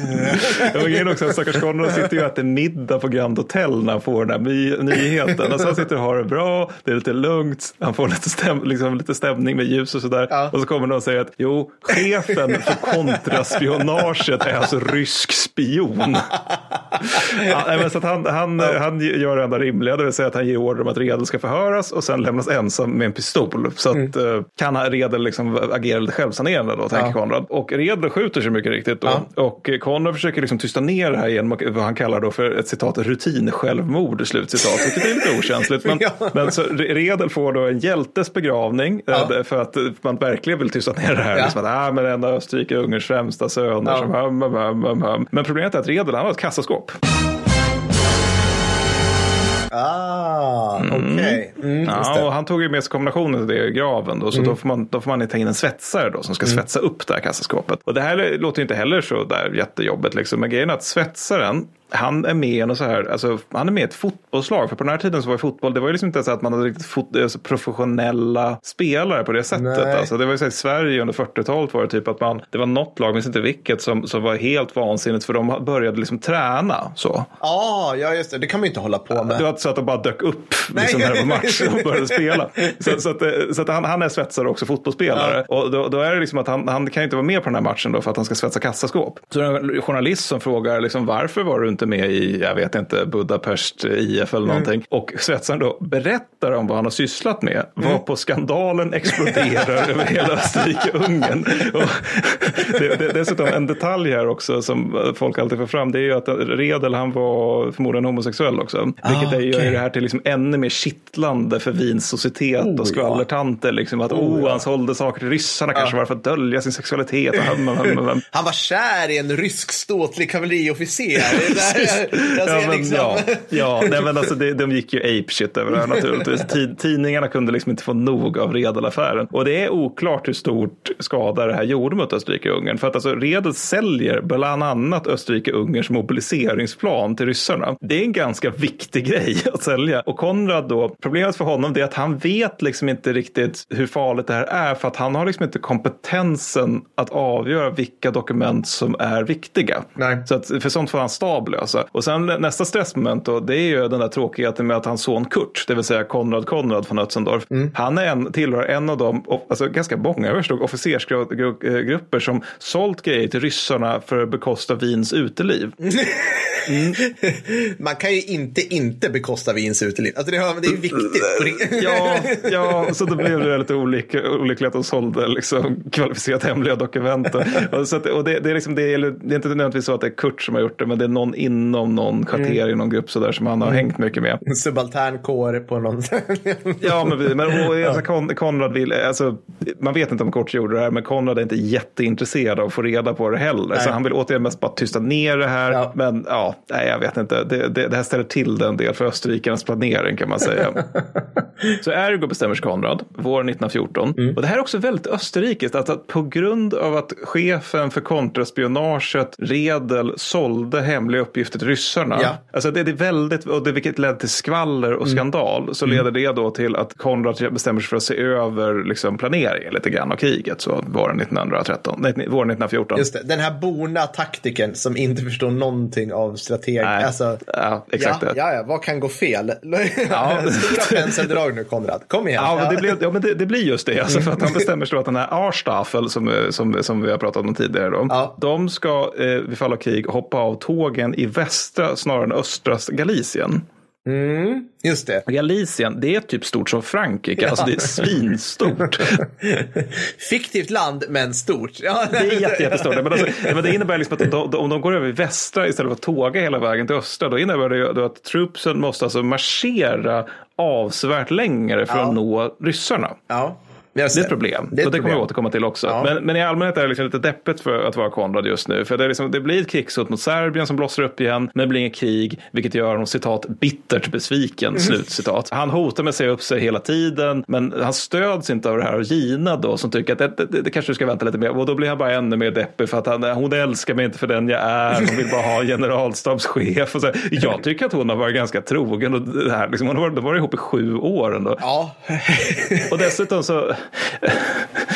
men sen vill han ju ha ett krig också, men inte mot ryssarna utan med italienarna. Och det verkar liksom inte bli någonting med Deras italienarna. Ja, men för det är just det. Liksom. Och den jävla trippelalliansen, den, den, den liksom förnyas och förblir och har sig. Liksom allting bara jobbigt, stackars Konrad. Men när det gäller mot ryssarna så tar han då i varje fall inspiration av fransk-tyska kriget. Då, Där numerärt underlägsna tyskar angrep fransmän och vann avgörande förintelseslag vid Sedan. Och han, han tänker sig nu när han planerar för det här att vi ska göra liksom typ samma grej, liksom, fast mot ryssarna. Vi ska ha en här inringningsseger där och liksom ha ihjäl dem i grund och botten. Men han glömmer då också i och för sig då skill- skillnaden i stridsvärde mellan österrikisk och tysk trupp. Då. Men, men det, det kan vi, ja. Men generellt är han i så väldigt dåligt psykiskt skick när eh, han då eh, nås av nyheten att Frans Ferdinand har skjutits den 28 juni 1914.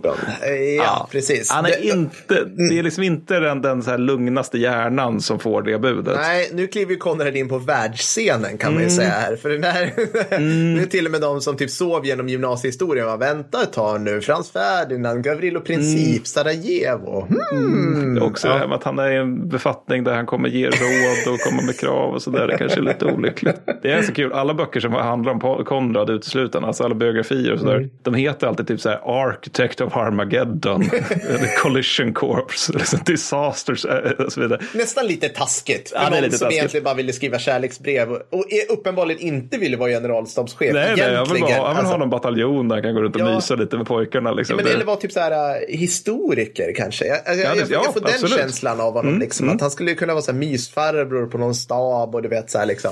Ja, skriva den off- officiella historiken över Österrike-Ungern. Ja, men precis liksom. Ja. Ja, nej, men så att det blir krigsutbrott. Och eh, han reagerar då på, eller inte riktigt än, men han, han reagerar på mordet på Frans Ferdinand med att göra det enda rimliga och det som alltid ligger nära till hands, det vill säga han skriver till Gina. Ja. Naturligtvis. Ja. Han skriver bland annat att krig mot Rumänien, Ryssland och Serbien nu är oundvikligt och att detta är en hopplös kamp. Är Jag bra älskar att. Rumänien helt plötsligt fick följa med. Alltså, Ja, ja, men då, lika bra att köra det. Men han menar dock att det här är en kamp som måste utkämpas eftersom citat en så gammal monarki och en sån ärorik armé inte kan gå i graven på ett oärorikt sätt. Slutcitat. Just det, och historien skulle visa honom fel, att det kunde jag visst det. Feed, find, feed ere, som Ja. man sa på medeltiden. Det vill säga många fiender, mycket ära. Ja. Han påstår senare då att armén inte var redo, men han gjorde liksom dock noll för att tygla kriget. Så det är så här typiskt som dyker upp i hans memoarer, att liksom, nej, men vi hade ingenting, det var ju inte redo. Men om, så, om, man, om han hade förstått det 1914, då hade man förmodligen liksom inte, som han nu gör, faktiskt försökt pusha för ett krig på allvar. Nej. För att, utan tvärtom, han kräver då den nya utrikesministern eh, Berchtold att eh, han ska glömma allt om partiell mobilisering, alltså sånt som nog omvärlden kunde tolerera. Det vill säga, okej, men serberna håller på att dumma sig, er ärkeärte är död. Gör en partiell, partiell mobilisering och så liksom kanske någonting mot Serbien. där. Utan han vill ha fullskalig mobilisering, vilket även inkluderar den här ba- ah, Berstaffel, den här reservstyrkan. Då. Och sen säger han då där till politikerna att det finns inte några problem med mobiliseringen och därefter så tar han några dagars semester med Gina.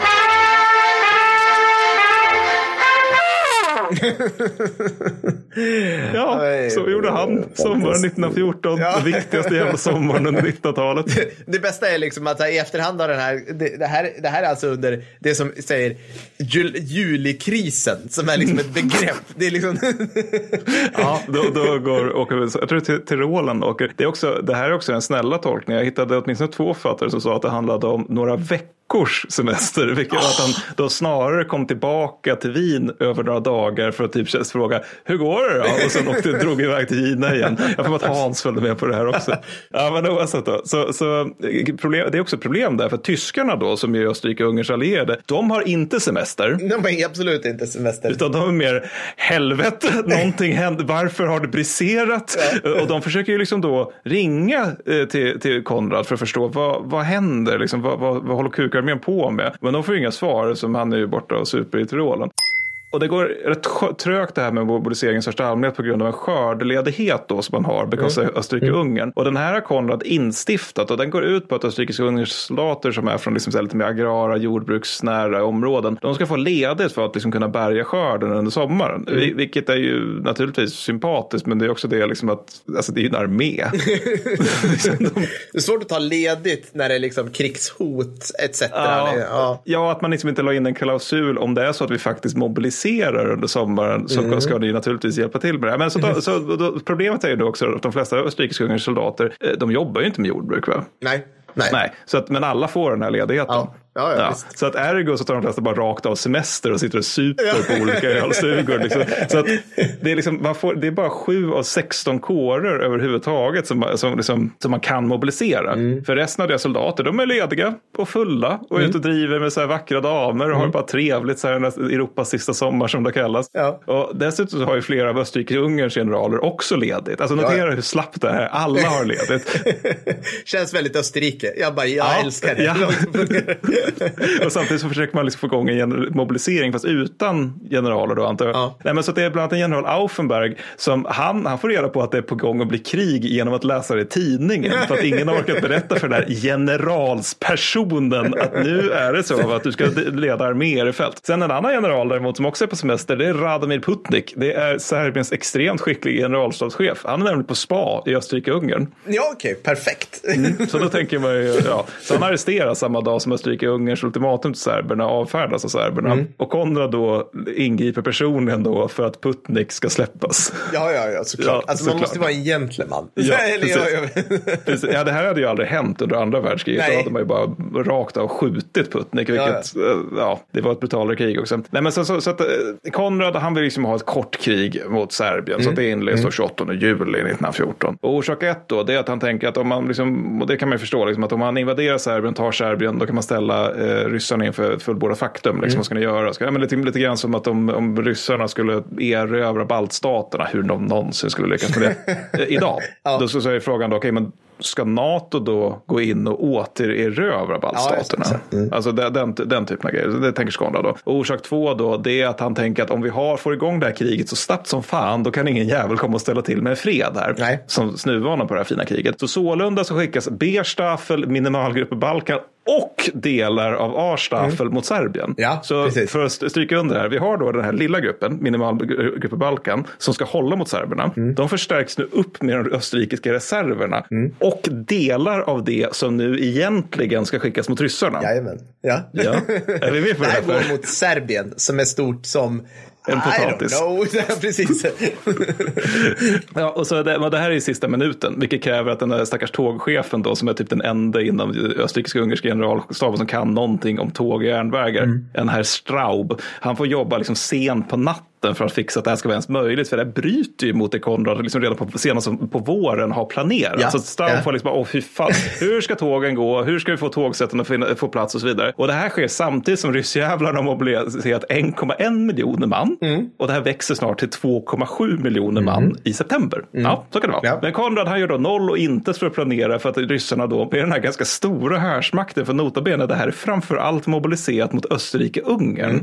Det finns en del författare som menar på att ryssarna var ganska sugna på att just slå mot Österrike-Ungern för att de ville ha del av de territorierna, för att de skickar ganska små styrkor i jämförelse till mot tyskarna. Ja, det. Och Konrad gör noll och intet för att planera för att ryssarna kanske skulle kunna göra en inbrytning i Galicien. Nej. Och trist grej är då att tyskarna förklarar ryssarna krig 1 augusti, varför österrikarna måste göra detsamma 6 augusti. För att de är allierade. Mm. Och nu det. finns det då att vi har landgräns till ryssarna. Då. Ja. Ja. Så tyskarna då, de förväntar sig då en österrikisk-ungersk offensiv in i Galicien. För de har ju liksom Moltke den yngre och Konrad suttit där under Konrads konjaksosande former innan kriget. Bara, Ja, men det ska vi naturligtvis Ja, göra. Det låter de har ju bra. pratat ihop sig någorlunda, tyckte men de liksom i varje fall. Ja. Men... Och, det, och det här är också en grej, det finns ju ingen plan naturligtvis, utan det Nej, här är bara så här, två farbröder som har suttit och snackat lite grann och så bara, ja men något sånt liksom. Ha det bra nu, ha det bra, ha det bra Helmut. Och, men de ska göra det medan eh, eh, fransmännen blir krossade av tyskarna, är det ju tänkt då. Mm. Och Österrike-Ungern får nu göra helt om, eftersom när man gick, hade allt det här mot Serbien, då var man ju inte i krig med Ryssland. Nej, just det. Nu är man i. Ryssland. Ja. Ja, så att då kan det vara så. Så Berstaffel, det vill säga fem kårer, de ska nu upp till Galicien.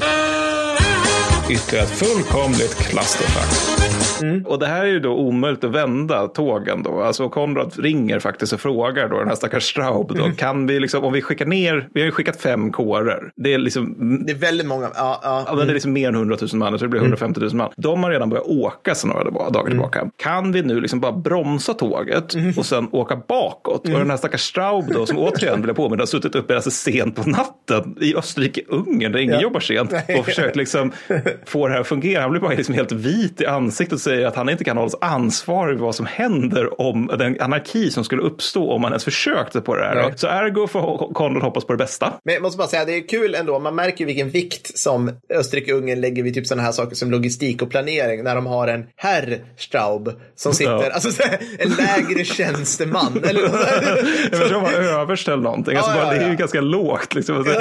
Ska sitta och planera allt. Ja, men han får själv så efter eget huvud sitta och liksom skissa lite grann och räkna lite. Sådär. Men han har tre praktikanter och en sekreterare för hjälp. Liksom.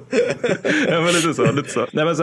Man får hoppas på det bästa och Konrad skyller senare naturligtvis på Straub Ja, för ja. att det här inte gick som det skulle. Det är också så gjort. B-Staffel, de får åka ner och sen får de liksom köra norrut igen för att möta ryssarna. Det är tanken. Problem, det funkar inte naturligtvis. Så A-Staffel, de står mer eller mindre ensamma mot betydande ryska förband. Inför och under slaget om Galicien. Och det är egentligen inte mer än halva Berstaffel som lyckas komma in i Galicien för att hjälpa Arstaffel. Och de gör det dessutom duttvis, liksom, för att tågen är ju liksom... Ja, precis. Ja. Ja, det, det kommer inte samlat. Det kommer fläck. Nej. Nej, precis. Nej, och det tycker ju, det vet vi att det är en jättebra idé. Alltså det är ju också någonting Konrad själv har sagt tidigt. Halvmesyr funkar inte. Det här är som liksom pågående, rullande halvmesyr. Bara, här kommer en bataljon, här kommer ett regemente. Och delvis kommer, dyker de ju upp, också efter slaget om Galicien. Så att alltså, de kommer ju för sent och för få och duttvis. Alltså det är så dåligt där. Men så, det- så det tar dessutom en vecka innan Konrad kommer på att styrkorna i Serbien inte kommer få leka med Berstaffel. De kan inte sätta ut som, liksom, sättas in hur som helst. Och ja, han glömmer det här. Ja, såklart. Alltså han glömmer att var, var armé, arméns stora reserv är någonstans. Och dessutom vill inte reservstyrkans chef Oskar Poitorek släppa ifrån sig Berstaffel. Så ergo så får liksom flera av kårerna sättas in då i den misslyckade invasionen av Serbien i alla fall innan de går norrut. Dyker upp, tjena, pang, nu drar vi. Ja, men liksom, men är vi med på graden av clusterfuck där allt hänger på var sätts Berstaffel in? Ja. Berstaffel sätts in lite här, lite där. Oj, där dog några av dem. Ja, där. Och nu är de trötta tydligen. Ja. Någon frågar Konrad, vad ska Berstaffel sättas in? Han svarar ja.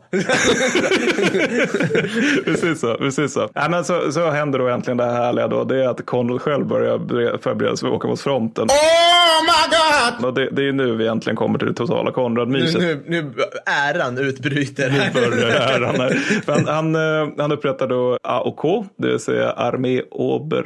AOK, Armé Oberkommando, eller? Ja, precis. Tack. Ja, tror- ja, Uppenbart att jag behöver kaffe. Armé Oberkommando, då. Så vilket ger honom kontroll över eh, österrikiska delen av eh, Österrike-Ungern. Just det, för I det är praktiken. två. Ja, precis.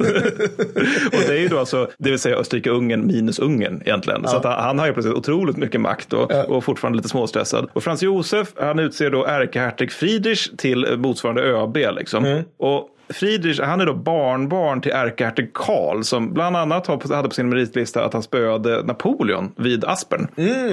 Bra jobbat. Jajamän. Så så det, här, det är liksom ändå bra, bra, liksom, bra släkt så kan man tycka. Men Friedrich han är helt oförmögen att tygla Konrads vildare impulser. och han har liksom viss krigserfarenhet ändå från olika fredstida manövrar. Och där var han så kass att blågul fick ingripa för att gå in och rädda honom. För det skulle se så illa ut med Är- ärkehertig som dessutom är släkt med ärkehertig Karl. Ja, ja. Om han liksom skulle gå på pumpen under en övning. Ja. Så det är det som är ÖB och så har man Konrad som generalstabschef. Det är ett jävla radarkrav. Bros for life har Ja. kallat dem i avsnitt 6. Och Konrad han säger då. Dum dummare på turné. Men det är det här krigets Filip och Fredrik kan man säga. Ja, liksom. ja. Nej, men så Konrad han säger hej då till kejsaren och sin gamla mamma som vid det här laget är 89 bast. Mm. Och hans söner de börjar också försvinna iväg mot fronten. Alltså, det, här är också, det här får man ju ändå ge Konrad då, att han är konsekvent. Han försöker inte gömma undan sina söner när andra sö- söner marscherar ut. nej. Utan alla fyra sönerna antingen går mot fronten eller försöker ta sig till fronten. Mm. Och han vinkas av då sina, av sina närmsta vänner och Gina naturligtvis Mm. då, tidigt på morgonen den 16 augusti. Kräver av Gina att de ska gifta sig efter kriget för annars kommer han inte åka till fronten. Vilket också är ett bra. Vad kan du säga till det? Ja, liksom, vad ska hon göra? Bara, ja, ja, nej, men då, då får vi väl göra det. För att mi- mitt land och hela min värld kan, kommer annars utplånas eftersom du är generalstabschef. Så, ja, jag vet inte, det är någon form av tjatsex i det här. Men oavsett då. Dagen därpå då kommer Ko- Konrad äntligen till Premichel. Där ja. Mm. Ja, nej, men så därifrån så super han omedelbart bort sitt kavalleri. Det har vi beskrivit i första världskrigspodden. Och han, men han låter sig liksom inte förvärras här, utan han beordrar storskaliga angrepp mot ryssar med numerärt underlägsna styrkor. Då. Och orsak ett då, det är att han har livslångt hat mot allt vad försvar heter. Han tycker att det är ett dåligt sätt att kriga på. Orsak två, det är att han vill vinna en snabb seger för att den där moraliska kampen som alltid trott på ska segras eller vinnas av Österrike-Ungern. Orsak tre, det är att han, liksom, hela hans plan går ut och tar ryssarna på mattan sådär. Att de inte riktigt ska hinna, hinna bli färdiga sådär innan han anfaller. Får jag bara skjuta in en grej där Mattis? Jag bara, en reflektion är att ingen har någonsin sagt jag vill vinna en långsam seger. Jag vill att det här ska ta tid. vill att Ingen någonsin i historien har sagt Nej, det. liksom.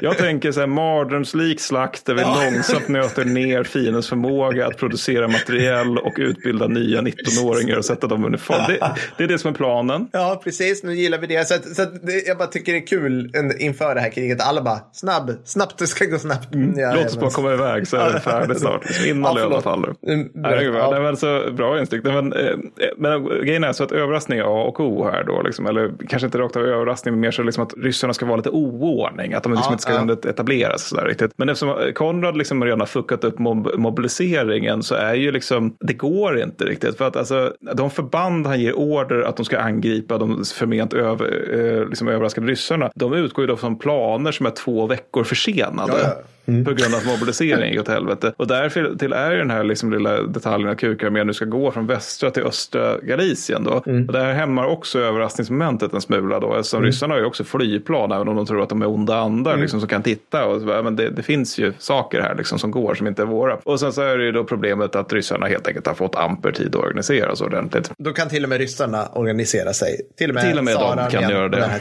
Ja. Till och med de, ja.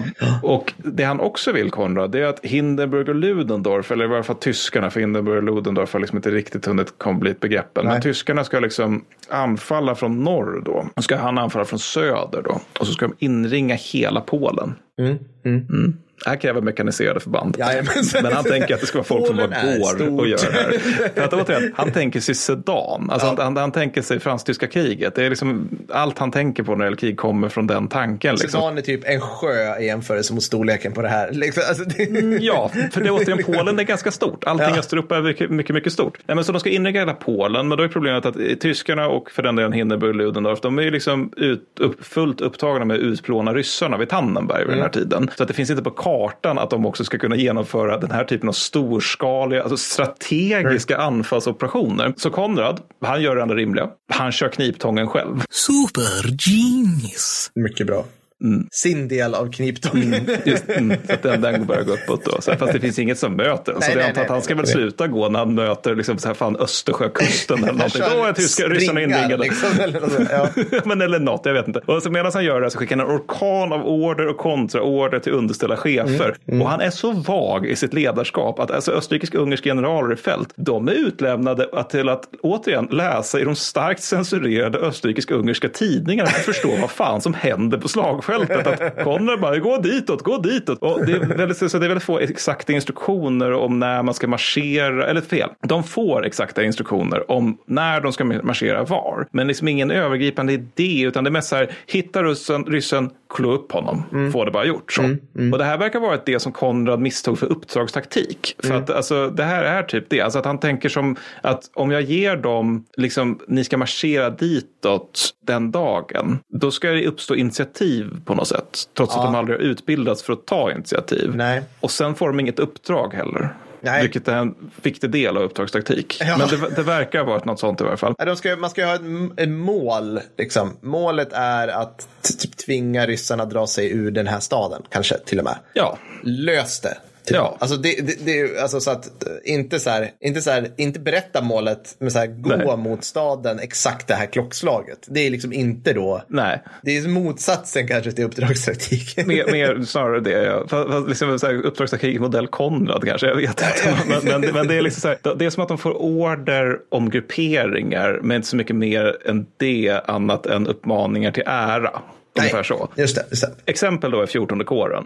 De får så många order och kontraorder om att marschera samma sträcka fram och tillbaka. Jag vill alltså nu stryka under att det är samma sträcka. alltså att de går samma vägar upprepade gånger genom sommarvärmen med Österrikes logistik i rygg- ryggen. Att de tappar 10 procent av sitt manskap per dag på, bara på grund av eftersläntringar. Så det är liksom att det är så hela kompanier som bara, var är kåren någonstans? Officerarna bara, jag har ingen aning för att vi har liksom kartor som föreställer Frankrike. Alltså det, det är liksom, ja, så att de, de är i praktiken utslaget förband bara på grund av att eh, Konrad tycker att det är kul att liksom peka lite på kartan. Fram och tillbaka. Ja, här, Ja, här ska ja. ni gå i spärrcirklar. Som de får något flygförband. Ja, men typ så. Typ så. Men det det är oerhört bisarrt ledarskap. Men så, all- allting kollapsar ju naturligtvis 12 september. För då får liksom Konrad evakuera AIK från, från eh, Premierschel och, och ta den till Neusandets. Vilket ligger vi ska se, 144 kilometer väster om Premierschel och därmed fronten. Ja, Så han rör sig liksom 14 mi- mil ifrån fronten då. Och han är nu snabb med att skriva långa brev till kejsaren där han skyller på att oj då, vi tappade just hela jävla Ga- Galicien. Det skyller han ju då på underställda chefer. mycket bra. att, och även de som alltså har följt hans nycker ny- till punkt och pricka då. Och förstärker sen misslyckandet genom att skicka sex divisioner som ska hålla Premierschel medan han liksom i vägdammet ser dem marschera in och bara so long suckers!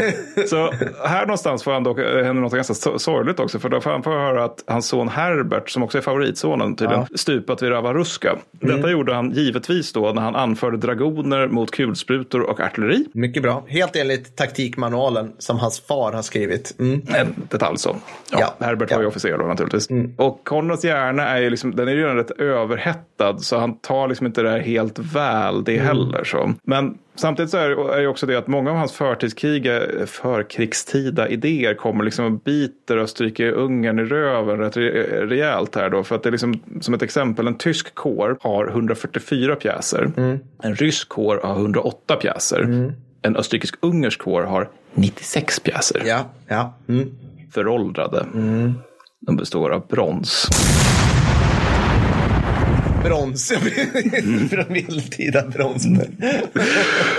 Kan du gissa här vad, vad orsaken till detta är? Eh, Konrad. Det är ju det, att han tyckte inte att artilleri var särskilt avgörande i tysk-franska kriget. Som är ett annat krig som var 40 år tidigare. Och när någon påpekar då inför krigsutbrottet att så här är fallet, då skriver han, så svarar han då, jag känner till allt detta, men jag kan ju inte göra någonting åt det nu. ja, och det är ju sant. Det är ju helt det, sant. Det har ni helt sant. Ja, ja, mycket sossefräckt i det här. tycker Ja, det är bland väl de sosseffekt. Konrad. Jag menar, också, han har ju liksom varit generalstabschef i vad det blir, åtta år med ett avbrott på ett ungefär. Så att han har ju haft tid. Liksom. Ja, ja. Eh, Men oavsett, alltså, att det är ju som sagt väldigt stressigt och Herbert är död och allt vad det är. Så att eh, han sover alldeles för lite. Och det är det stressen och att allting går dåligt. Men också det här med att han sitter uppe på nätterna och skriver till Gina. Precis, ja. Det gör han ju naturligtvis. Så att, eh, och han skriver ju även dagtid också. Liksom, ja, när visst. andan faller på. Dem. Längre luncher liksom. Ja, vi kommer faktiskt till hans dagsschema snart. Men, det, nej, men så att en av hans belackare då, för nu börjar faktiskt uppstå lite kritik bland de liksom, mer kätterska österrikiska ungerska officerarna. De, eh, de, han anser att Konrad rakt har blivit senil. Liksom, bara så att Oj, någon ja.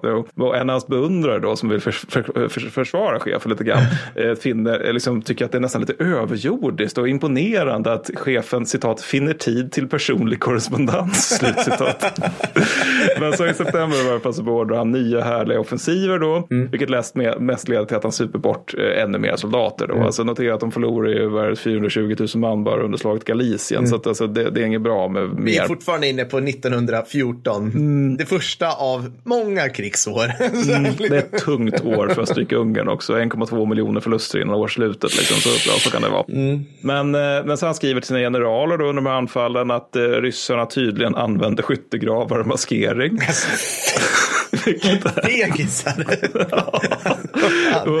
Och, kan du gissa vad hans lösning på detta fega förfarande är?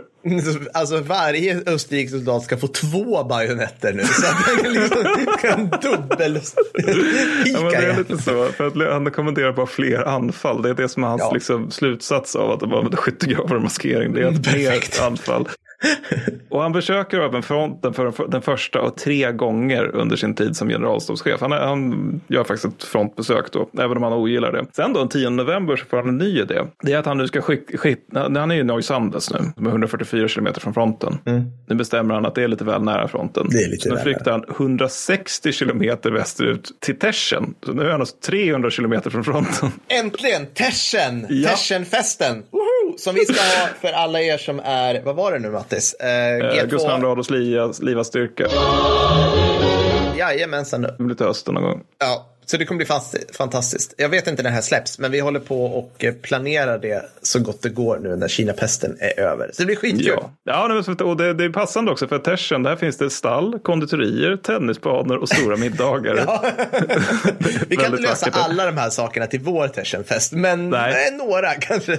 Nej, men också att det är kul är att det, det här finns, men det finns inte artilleri. nej, nej, nej. nej. Nej, nej, för det är bokstavligen så, så i kukar med över den här tiden. Fler humidorer än pjäser. Det är ju liksom Ja, men alltså, det grejen är måttet att på det, framgång. alltså, det österrikiska artilleriet är typ i Galicien, fast ryssarna har tagit det nu. Alltså, att de, de har liksom inte kunnat släppa med sig det när de har tvingats retirera. Ja. Och här i Tersen då så skapar han också ett presshögkvarter där bland andra Stefan Zweig, som är en mycket bra författare som alla kan läsa, han får bland annat skriva mystexter i stil med citat vår Konrad.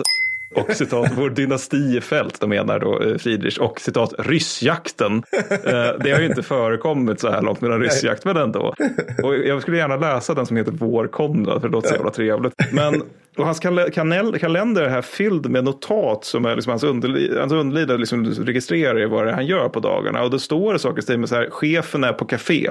Eller chefen spenderade mon- morgonen med att läsa tidningen. Ja. Är, ja, så han gör det här med stil. Så han har två dagliga möten då med ÖB Friedrich, varje ungefär en halvtimme. Och det sista är rätt sent på kvällen och då brukar Kon- Konrad dessutom alltid vara försenad. Så, för, så Friedrich får liksom hållas pass, passiv genom att han får sitta och spela kort då, i egenskap av överbefälhavare. Ja. Och eh, ja, kron, kronprinsen Erkehjerte Karl som också kommer att bli blivande kejsare faktiskt. Ja. Han, han är också med här och väldigt positivt. Men det handlar mest om att ingen delger honom information överhuvudtaget. Så det här är liksom den här drömfabriken som är Tersen. Alltså, jag älskar det. Men det är också så kul, folk bara, håll, håll bara habsburgarna glada. det måste vara det så att de inte liksom går i spinn här. Så här. Konrad, alltså det måste vara sån smälla i dörrar-fars. här. Ja, precis. precis. Nej, men så, I december så lyckas han faktiskt trots allt vinna en seger. Det är slaget vid Lima, eh, Limanova. Och det här kallar han i sina memoarer för citat sin största seger.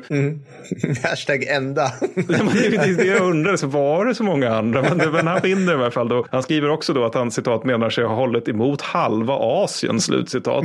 Och liknar liksom det hela som ett briljant schackspel. Så där, liksom, äh, lurade in ryssarna i någonting här. Och I klartext utkämpades utlöparna till Kar- Karpaterna. Trupperna framryckte genom knädjup snö i kartongskor. Det var det som var det briljanta schackspelet. Men Konrad är ju då, han är i grund och botten, alltså om man ska sammanfatta hans första krigsår så här, det, det är att han är en teoretiker som nu ska bli praxi, praktiker. Och det går så där. För att han, anser, han har ju liksom alltid ansett att man inte ska sprida ut trupp. Gör Nej. precis det i Galicien. Han har alltid ansett att man inte ska upprepa misslyckade anfall, vilket han gör under hela hösten. Bara tvingar in division efter division i stålstormen. Ja. Anser också att högre che- chefer ska nära, vara nära fronten. Han själv är hundratals mil borta från fronten. Ja. Han agerar efter sina teorier på en punkt och det är att man alltid ska anfalla. Mm, Vilket då leder oss till Karpatenkrig. Ytterligare ett fullkomligt clusterfuck. Mm, nu blir det mysigt på riktigt. Ja. Q-montage med typ så här filt, sabel och lågskor i vinterkrigföring i bergen. Precis så. Okej, Mattis, vart är vi nu då ungefär?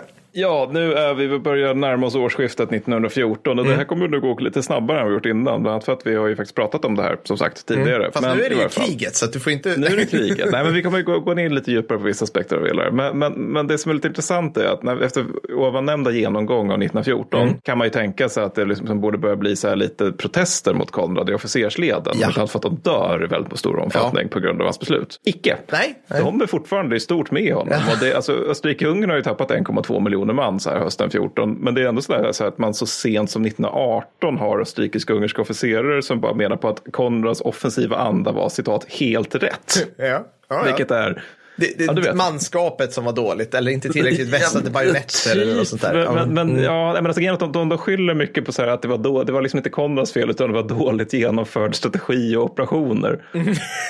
Vem har ansvar för det nu då? Alltså, jag vet inte. Men Konrad väl fortfarande så här, taktiken är min grej. Jag råkar vara den högsta befälet. Jag ska ha koll det är inte det jag vill hålla Ja. på med. Är... Nej, men jag, tycker jag tycker det är en ganska charmig ursäkt. Liksom. Alltså, att den som har ansvar för strategioperationer har inte begått något fel på grund av att det var op- strategioperationers fel. Ja, ja. Men, men oavsett, till det viktiga. Kina. Ja, ja, Ja, absolut. Gina. Det, det är ju det den här podden handlar Ja, om ja, ja. egentligen. För att det är så ödesdigert. Borde Men- döpa den till Gina, bara rakt upp och ner. Gina, punkt. Ja. Nej, men alltså, grejen att Konrad blir ganska kärlekskrank ju- julafton 1914. Och det är liksom sådär att han har ju tillbringat mycket tid tillsammans med Gina då, Mm. på, under jularna under de senaste åren. Och han sitter där och kände sig ensam i tätchen. Så att han skriver då ett brev till henne och det gör ju jämt. Men det som är liksom exceptionellt med det här brevet det är att han använder du-form. Ist inte ni, om jag får... Exakt. Aha. Do snarare än si. Vilket alltså är första gången under deras sju, vad är det, nu, sju år långa förhållanden. Då. Det- Så, men, men det är en mer formell tid. Och det här brevet är ju liksom, det, det, utöver att han duar henne, vilket i sig är oerhört intimt, och så är det ju också det här med att han, det är fyllt med, alltså det, man får liksom så lite intryck att han kanske var lite pilsk helt enkelt. Ja, ja. Så att han, han, han kräver att hon omedelbart ska infinna sig i Teschen, Ja. Mm. varför hon dyker upp då den 20 januari tillsammans med sin lille son. Och sonen får liksom agera förkläde då, så att det inte blir massa skvaller om det hela. Eh, Alla vet ju hur det ligger till med det här. Men, Kan det bli mer skvaller? ja. Men, men det är det här väldigt vianesiska tror jag. Så Ja. man, man, man har någonting som är, men så länge alla har liksom någon form av fasad över att det inte är som det är, Ah, då är det lungan. Men, men, men det är ju då- det är inte heller så svårt att få avskildhet i- Teschen, för att det är ju då det här med att alla officerarna bor i citat komfortabla villor. Vilket är, så det, är liksom det är inga konstigheter för dem att ja, få vara lite ensamma. Under tiden försvinner ju 800 000 man i Karpaterna, Mm. som vi har gått igenom tidigare många gånger. Och angående detta skriver Konrad i januari då till Gina att han förstår att soldaterna har det tufft. Det är han liksom Mm. Ja, med på. ja, Men att han hellre hade, skulle ha genomlidit det tusenfalt än att utsättas för det förkrossande mentala arbetet. Slutcitat. Vad fint av honom. ja. Det Generöst. är, lite jobbigt, det är lite jobbigt att tänka när man har, inte har druckit liksom morgonkonjaken vid brasan. Det där påminner mig om någon meme, typ så här stressed in stressed, liksom, eller frågetecken. Och så är det en Mhm. bild på liksom, är en bild på en här college-student som du vet är stressad över någon tenta och så nedanför är det så här en, en marine i typ Fallujah. Så här liksom regnar liksom splitter. liksom, Ja, yes. ja. Ja, men det, det är olika former av stress Ja, kan man säga. Men dessutom är han ju förkyld också. Han ser sig ligga vid dödens portar. Så att det, det är mycket för Konrad just nu. En riktig mancold är ju tuff. Det måste man Ja, ja, ja, det, ja. det är det. det, är det. Men, men kukarmén upphör ju i praktiken att existera i samband med Karpaterna. Då. Och det är liksom allt med så här hemvärn med oklart stridsvärde i främsta linjen. Officerskåren har decimerats. Och Konrad kräver liksom under hela 1914 att truppen ska visa mer initiativ. För det är någonting han har upp, förespråkat innan kriget. Att man, ska liksom, man ska ha initiativtagande soldater. Sådär. Men problemet är att officerskåren dyrkar ju honom så jävla mycket. Så de försöker oftast liksom göra det de tror att Konrad vill. Och då har de ju läst alla taktikmanualer och sånt där. Så då vet de att ja, då är det anfall då, oavsett läge. Liksom. De gick också runt med så här, what would Conrad do mugg som vi Ja, har. Alltså, precis. de gick också runt med den hashtaggen. Liksom. Ja, precis. Ja, men, Ja, det, men men jättebra. exakt, ja, det, det, Ja, det, ja. Var, det var ungefär så det var. Och, det, men det, och jag kan tycka det är lite intressant här för att alltså, när han var bataljons och regementschef då var ju han känd för att vara liksom en soldaternas officer. Han hade liksom ganska nära kontakt med troopsen, inte, inte minst för tiden så. Men den är liksom som att det gällde hans ungdom och absolut inte ålderdomen för nu är det som att han liksom helt har tappat fotfästet. Att han liksom, ja, men så- som, vi som sagt, han besöker ju nätt och jämnt fronten. Det är som att han liksom inte riktigt förstår vad som händer där ute i Karpaterna. Då. Jag menar, annars skulle ju inte säga att han hellre skulle genomlevt det här med att liksom bo i en en- ensnöad grotta under artilleribeskjutning iförd typ en filt och Ja, utan precis. ammunition. Med kartongkängor. Liksom. Ja, med så här vargar som står och skriker utanför. Liksom. Ja. Men, men, ja. men nästa problem då, det är ju det här med Falkenhayn. ja. Mm. Tyskarna har ju bytt eh, chef då, från Moltke den yngre till Falkenhayn, Erich mm. von Falkenhayn. Och grejen är att Konrad gillade ju Moltke, för att det, Moltke var ju en trevlig tjockis som tyckte om god mat, god dryck och god kultur. Ja. Det gillar Konrad. Ja. Liksom, det på det. Falkenhayn, han har, tre, han har tre intressen. Ett, förgöra fransmän. Sacre. Två, skända ryssar. Tre, krossa britter. Where are we now? Det vill säga, han har ingen jävla förfining alls, utan han, han håller på med det här och tycker att han, han ska göra sitt jobb i grund och Ja, ja, botten, ja, vilket verkar Konrad och Moltke kanske inte riktigt håller med om. Och råkar vara i ett världskrig liksom. Så Ja, han, precis. liksom, han är rätt fokuserad. Yes. Mm. Ja, nej men så att, och de träffas då första gången i december 1914. Det här blir liksom inte alls bra. Liksom. Alltså för, för att Konrad är jättebesviken på Falkenhayn för att A. Falkenhayn vill sig i väster. B. Inte vill att Konrad ska hålla på att bestämma över tyska arméer så gör han det låtande. Det är han väldigt tydlig med att nej, du ska absolut inte få liksom, kontroll över de här förbanden som hjälper er. Det, det, det, och det är Linsinger som tar hand om det. Och han är dessutom hela tiden emot, alltså den här tråkiga Falkenhayn, han är emot den här tokroliga offensiven i Karpaterna som Konrad vill ställa till med när de träffas första gången. Vet inte hur den sker helt och. Vilken killjoy han är känner jag direkt. Alltså, det, Ja. det, krig är mycket tristare med Falkenhayn. nu På Ja, det är vis, ju liksom. det. Det är ju det. Men det, och det är också det här med att de har så jävla olika ledarskapsstil. Alltså att liksom Falkenhayn, han kör liksom där tyska kort, korta, tydliga order. Kör, vill att det ska gå snabbt, så han kör Ja. telefonsamtal. Liksom, han ringer folk när han vill någonting. Medan Konrad, han är ju så här typisk mellanchefen. Så han älskar, men alltså du som lyssnar, du har säkert träffat folk på ditt jobb som säger jag hatar möten. Ja. Och då kan jag ge fan på att det är de människorna som har flest möten Ja. och också är mellanchefer. Ja. För att Konrad är ju precis som han älskar att ha långa möten Ja. och eh, helst ännu längre brev. Liksom, och sådär. Så menar, om han skulle leva idag så skulle han hålla på med paddel förmodligen. Rimligen. Nej, men, men det här blir liksom ett problem när de ska försöka liksom, planera tillsammans. För att det, det, det är på något sätt, liksom, hur ska de göra det egentligen? Den ena vill skriva ett brev som tar en hel dag, den andra vill bara ha ett kort telefonsamtal och komma Ja. överens om att så här ska vi göra för att förgöra ryssarna. Liksom. Konrad bara, kan vi inte ta en längre lunch och prata igenom det här över? Arbetslunch kan man kalla det. Tre rätter. Ja, men det är liksom på något sätt en av de tydligare krockarna mellan det tyska och det österrikiska kan man Ja. säga. Men, men, men Konrad också, han, han, eh, han beskriver, han, som sagt tycker inte han om det här. Så liksom, ju längre kriget går och han måste hantera Falkenhayn så beskriver han då Falkenhayn och ett möte med honom som sitt citat svåraste plikt. Slutcitat. så de, han tycker inte alls om honom och det är, det, är ömsesidigt också för att relationen är så pass dålig efter ett tag att det är någon månad där, jag tror det är typ så här vintern 1915-1916, där de två bara vägrar kommunicera med Ja. varandra. Olyckligt med tanke på att de allierade i ett världskrig, men så kan det vara. Några han däremot gillar, det är HL, alltså Hindenburg och Ludendorff. Ah, okej, ja. Mm. Alltså, det. det. vill säga de två mest överskattade generalerna i tysk historia, två Ja. stycken fascistoida puckon, men, men Ja. de gillar han i varje fall. Nu kliver att- Mattis in här och nu får du får nästan lägga ut texten. Där. Eller har du gjort det kanske? Kan vi hänvisa till något avsnitt? Nej, det har jag inte gjort. Eller ja, alltså, så här, hela första världskriget beskrivs ju ganska vällustigt hur de egentligen inte har någon idé om hur man ska vinna kriget. Och sen så Nej. har vi det där med Göran och låten under mellankrigstiden som är Ja, ska vi säga, lite auktoritära kan man kan säga. det. Mm, high five Hitler-killarna lite grann. Ja, men också de, de, har ju, de är ju på något sätt de som gör kejsarens Tyskland till liksom det här auktoritära som jag brukar påstå att många brittiska historiker tänker sig att det var redan 1914. Alltså det är de som, det är under det, ja, skitsamma, vi kan ta det någon annan gång. Men, Ja. men alltså, han, gillar, han gillar egentligen inte Hindenburg så, för att alltså, han tycker att, eh, så, återigen det är en personkrock, att Konrad har det så här doserande viennesiska sättet medan han beskriver hur Hindenburg pratar med ein Berliner Gardeton, alltså typ en berlinsk gardesoldats tonläge eller Ja, sånt där. Så okej. återigen så här kort högljutt och det är order snarare än samtal. Liksom. Det är helt enkelt korthuggen och oskön. Det gillar inte Konrad.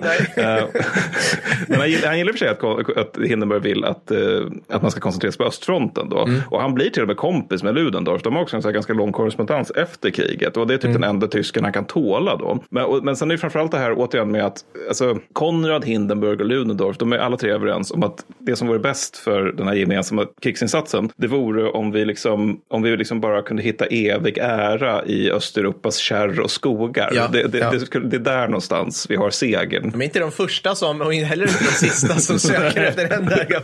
Nej, men också liksom att man kan ju tänka sig att Pripyat-träsken inte är liksom nödvändigtvis det liksom krigsavgörande utan däremot så här Londons industrier eller Ja. Frankrike är det. Vilket Falkenhayn tycker. Men oavsett. Ja. Så, så att de där två herrarna säger många vänliga saker om Konrad och det är ju Konrad ännu mer vänligt inställd till dem. Men sen så är det ju också, alltså, med allt det här sagt så är det ju ändå så att Konrad under hela hösten 1914 nyser så fort det går dåligt för tyskarna.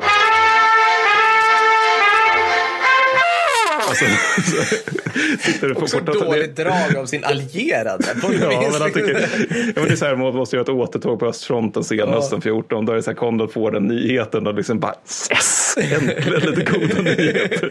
Det, ja, nej, det, det känns väldigt förkrigstida mentalitet där också. Det ska Ja. ju tilläggas att Konrad är en av dem som sitter absolut, om inte till och med den, som sitter längst av de som är chef för de väpnade styrkorna över ett land. Just det. Alltså får sparken senast av dem så att säga. Alltså Ja. Moltke ryker, ryker redan 1914, Joffran ju- ryker ju, ska vi se, i samband med Verdun och ryssarna byter ju ut sådana där hela tiden liksom, för att de, det går ju så dåligt för dem. Eh, Mm. Men, men, men Konrad sitter ju ända hela vägen till så här, hösten, vintern 16 liksom. Så att det är kanske Mm. Vilket är därför han har kvar många av de här, ja det är sjukt. men, men det är kanske därför han har många kvar de här liksom, små, förkrigstida småaktigheterna sådär då. Det, det är inget står riktigt på spel. Nej, precis. precis. Det, det är liksom bara någon form av kabinettskrig vi sysslar med snarare än ett mardrömsrikt industrikrig som slukar män och nationer. Men, men, men, gen- men det jag försöker få fram är att liksom Konrad gillar inte tyskarna. Men samtidigt är det det att hans benägenhet med att supa bort hundratusentals soldater gör honom beroende av tyskarna. Och det gillar han ju inte heller förstås. men sen kommer äntligen lite goda nyheter. Kan du gissa? Eh, nu ska vi se. Eh, ja, men Karpaten, det var där vintern 1914. Mm. Det handlar inte om det militära. Det handlar inte om det militära. eh, Gina skiljer sig. Och, Ja, precis. ja, Gina skiljer sig. Yes, ja, bra. Eller, eller alltså, så här, hennes besök, eller liksom hennes syndiga besök i Teschen då, Ja. det leder ju förstås till massa skvaller. Och Ja. där någonstans får hennes make Hans nog liksom och begär en sk- skilsmässa då. Och det är ju totalt hurra för Konrad. Då. Ja, och det tar ett tag innan, innan han får veta det här. För att han, han liksom besöker henne i Wien då. Och, då, liksom, och då, då möter hon honom på stationen. Men, men berättar liksom ingenting för Konrad. Eftersom hans morsa är också där och kockblockar honom i grund och botten.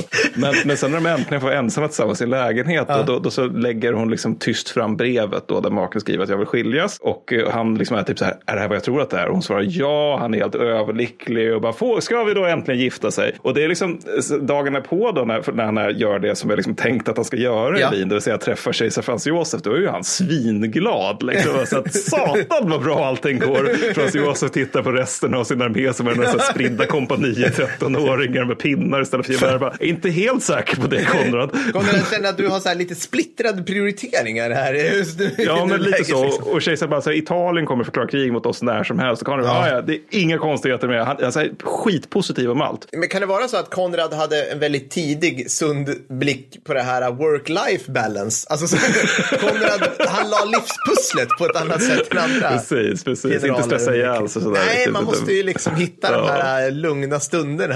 Ja, men liksom man går och handlar. Man gör, liksom, gör inte mat av halvfabrikat och sådär. Utan man, man gör så här schyssta grytor när man går och hittar bra råvaror Ja, ja, och sådär.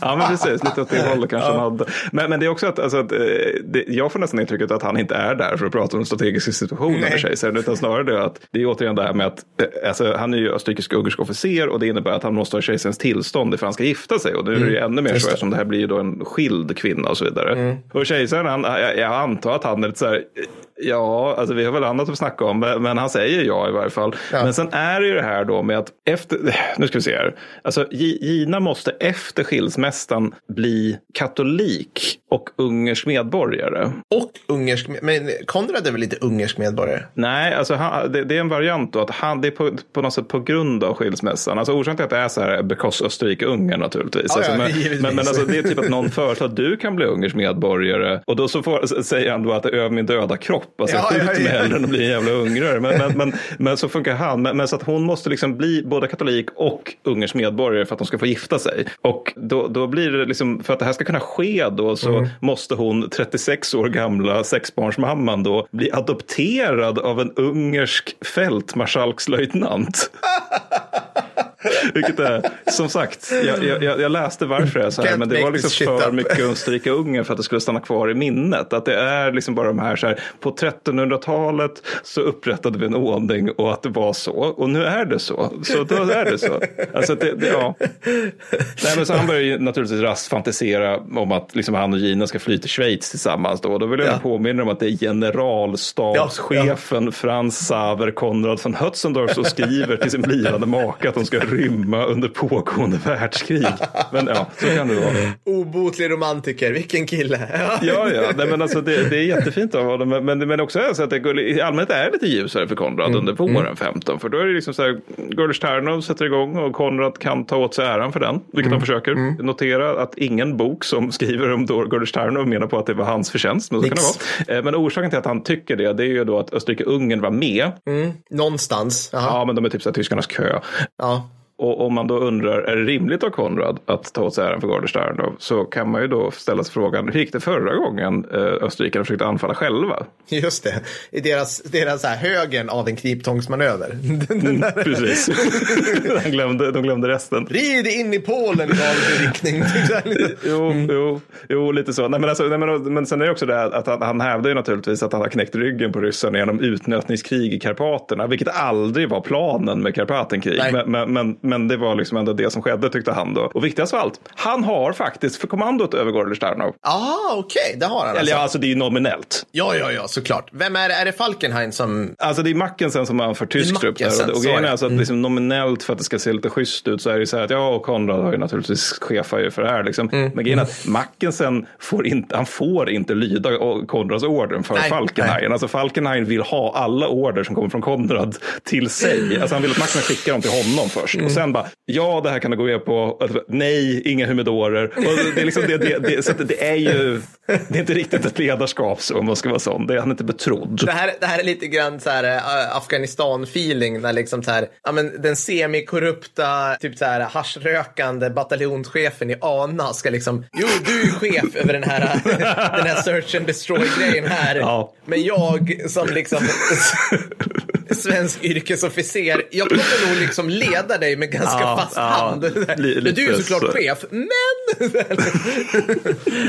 Jo men precis, nej men, nej, men det, det, det är åt det hållet. Ja, det är. Mm. Men, men, men, men också sen, det, det, det här tycker jag, jag vet inte, när, när jag har läst om det här, då har jag liksom på något sätt också fått lite mer sympati för Konrad. Det är liksom omöjligt att inte få det när man läser Mm. Ja, mycket om en nej. Mm. person. Och här kommer ett sånt drag. Liksom, alltså att, för att han har fina drag också utöver att han är liksom Konrad och skön. Och det är ju då att han, han passar på, för hans söner, eh, överlevande söner, Egon och Erwin, de, de, de, eh, de strider i Gordestjärnor. Så han passar på att hälsa på dem. Och när Lemberg då befrias, alltså dagens Lviv, som, ja, är aktuellt, skitsamma. som, Nej, ja, som är men- aktuellt när vi spelar in där kan man säga.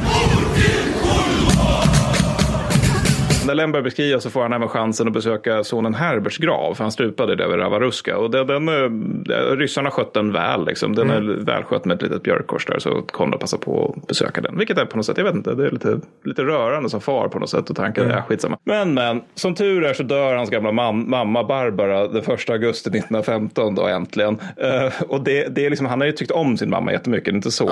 Men det är ju det där att han har också fått lite kalla fötter här. För liksom, vad ska gamla mamma säga om jag gi- liksom, gifter mig med en skild kvinna?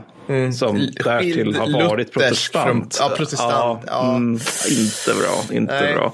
Så, att, så att, eh, det, det, har varit, liksom, det var lite skakigt där. Men, men sen så 19 oktober 1915 så kan han äntligen då, äntligen då gifta sig med Gina i en ganska enkel ceremoni i Wien. Och sen flyttar Gina in hos Konrad i Teschen. Mm. Ja. Vilket är bra.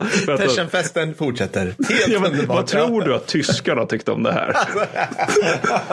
Jag tänker liksom att Falkenhayn hade liksom en ådra i pannan som så här bultade när han tänkte på det här. Ja. ja men också, tro, alltså, tror vi att fru Falkenhajen liksom någonsin befann sig på liksom, stabshögkvarteret? Det tror inte jag heller nämligen. Eh, Nix. Så att de, de, tyskarna finner ett ord, de är helt bestörta och allting är egentligen som dag, vanligt. Och här har jag lyckats skriva fram hur schemat var för dagen för Konrad. Då. Åh, åh. Och det är liksom... Målbild är arbetsdag.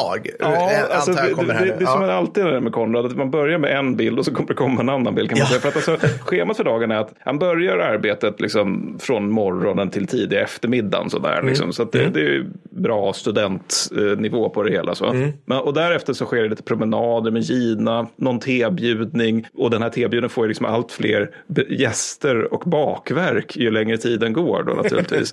och därefter reser jag tillbaka till AK då för att eh, liksom återvända, till, jobba, jobba, jobba och sen återvända till frun kring midnatt för att äta middag då. Och Konrad sov ungefär fem timmar per dygn under den här tiden. Och det här låter ganska hardcore. Men samtidigt är det också att det finns samtidigt väldigt, väldigt mycket tid över till till exempel banketter katter och kortspel och så olika ridningar på eftermiddagen och liknande. Man tar sig en lur. Powernap. Ja men precis, precis. Ja men det var så här, tyska, och tyska förbindelseofficerare hittar honom ganska ofta på liksom kaféer snarare än på tillsammans med Gina då. Men samtidigt, så, han har ju mer utrymme att arbeta nu och det är ju för att han inte hela tiden skriver brev till Gina. Just det. det. Vad gör jag med all den här tiden? Gå på café. Nej, men hon är ju där så han behöver inte skriva. Och samtidigt så kan vi fråga oss om det här med att Konrad jobbar mer, om det bara är positivt. Just det. För jag har en rubrik här som heter Upptåg.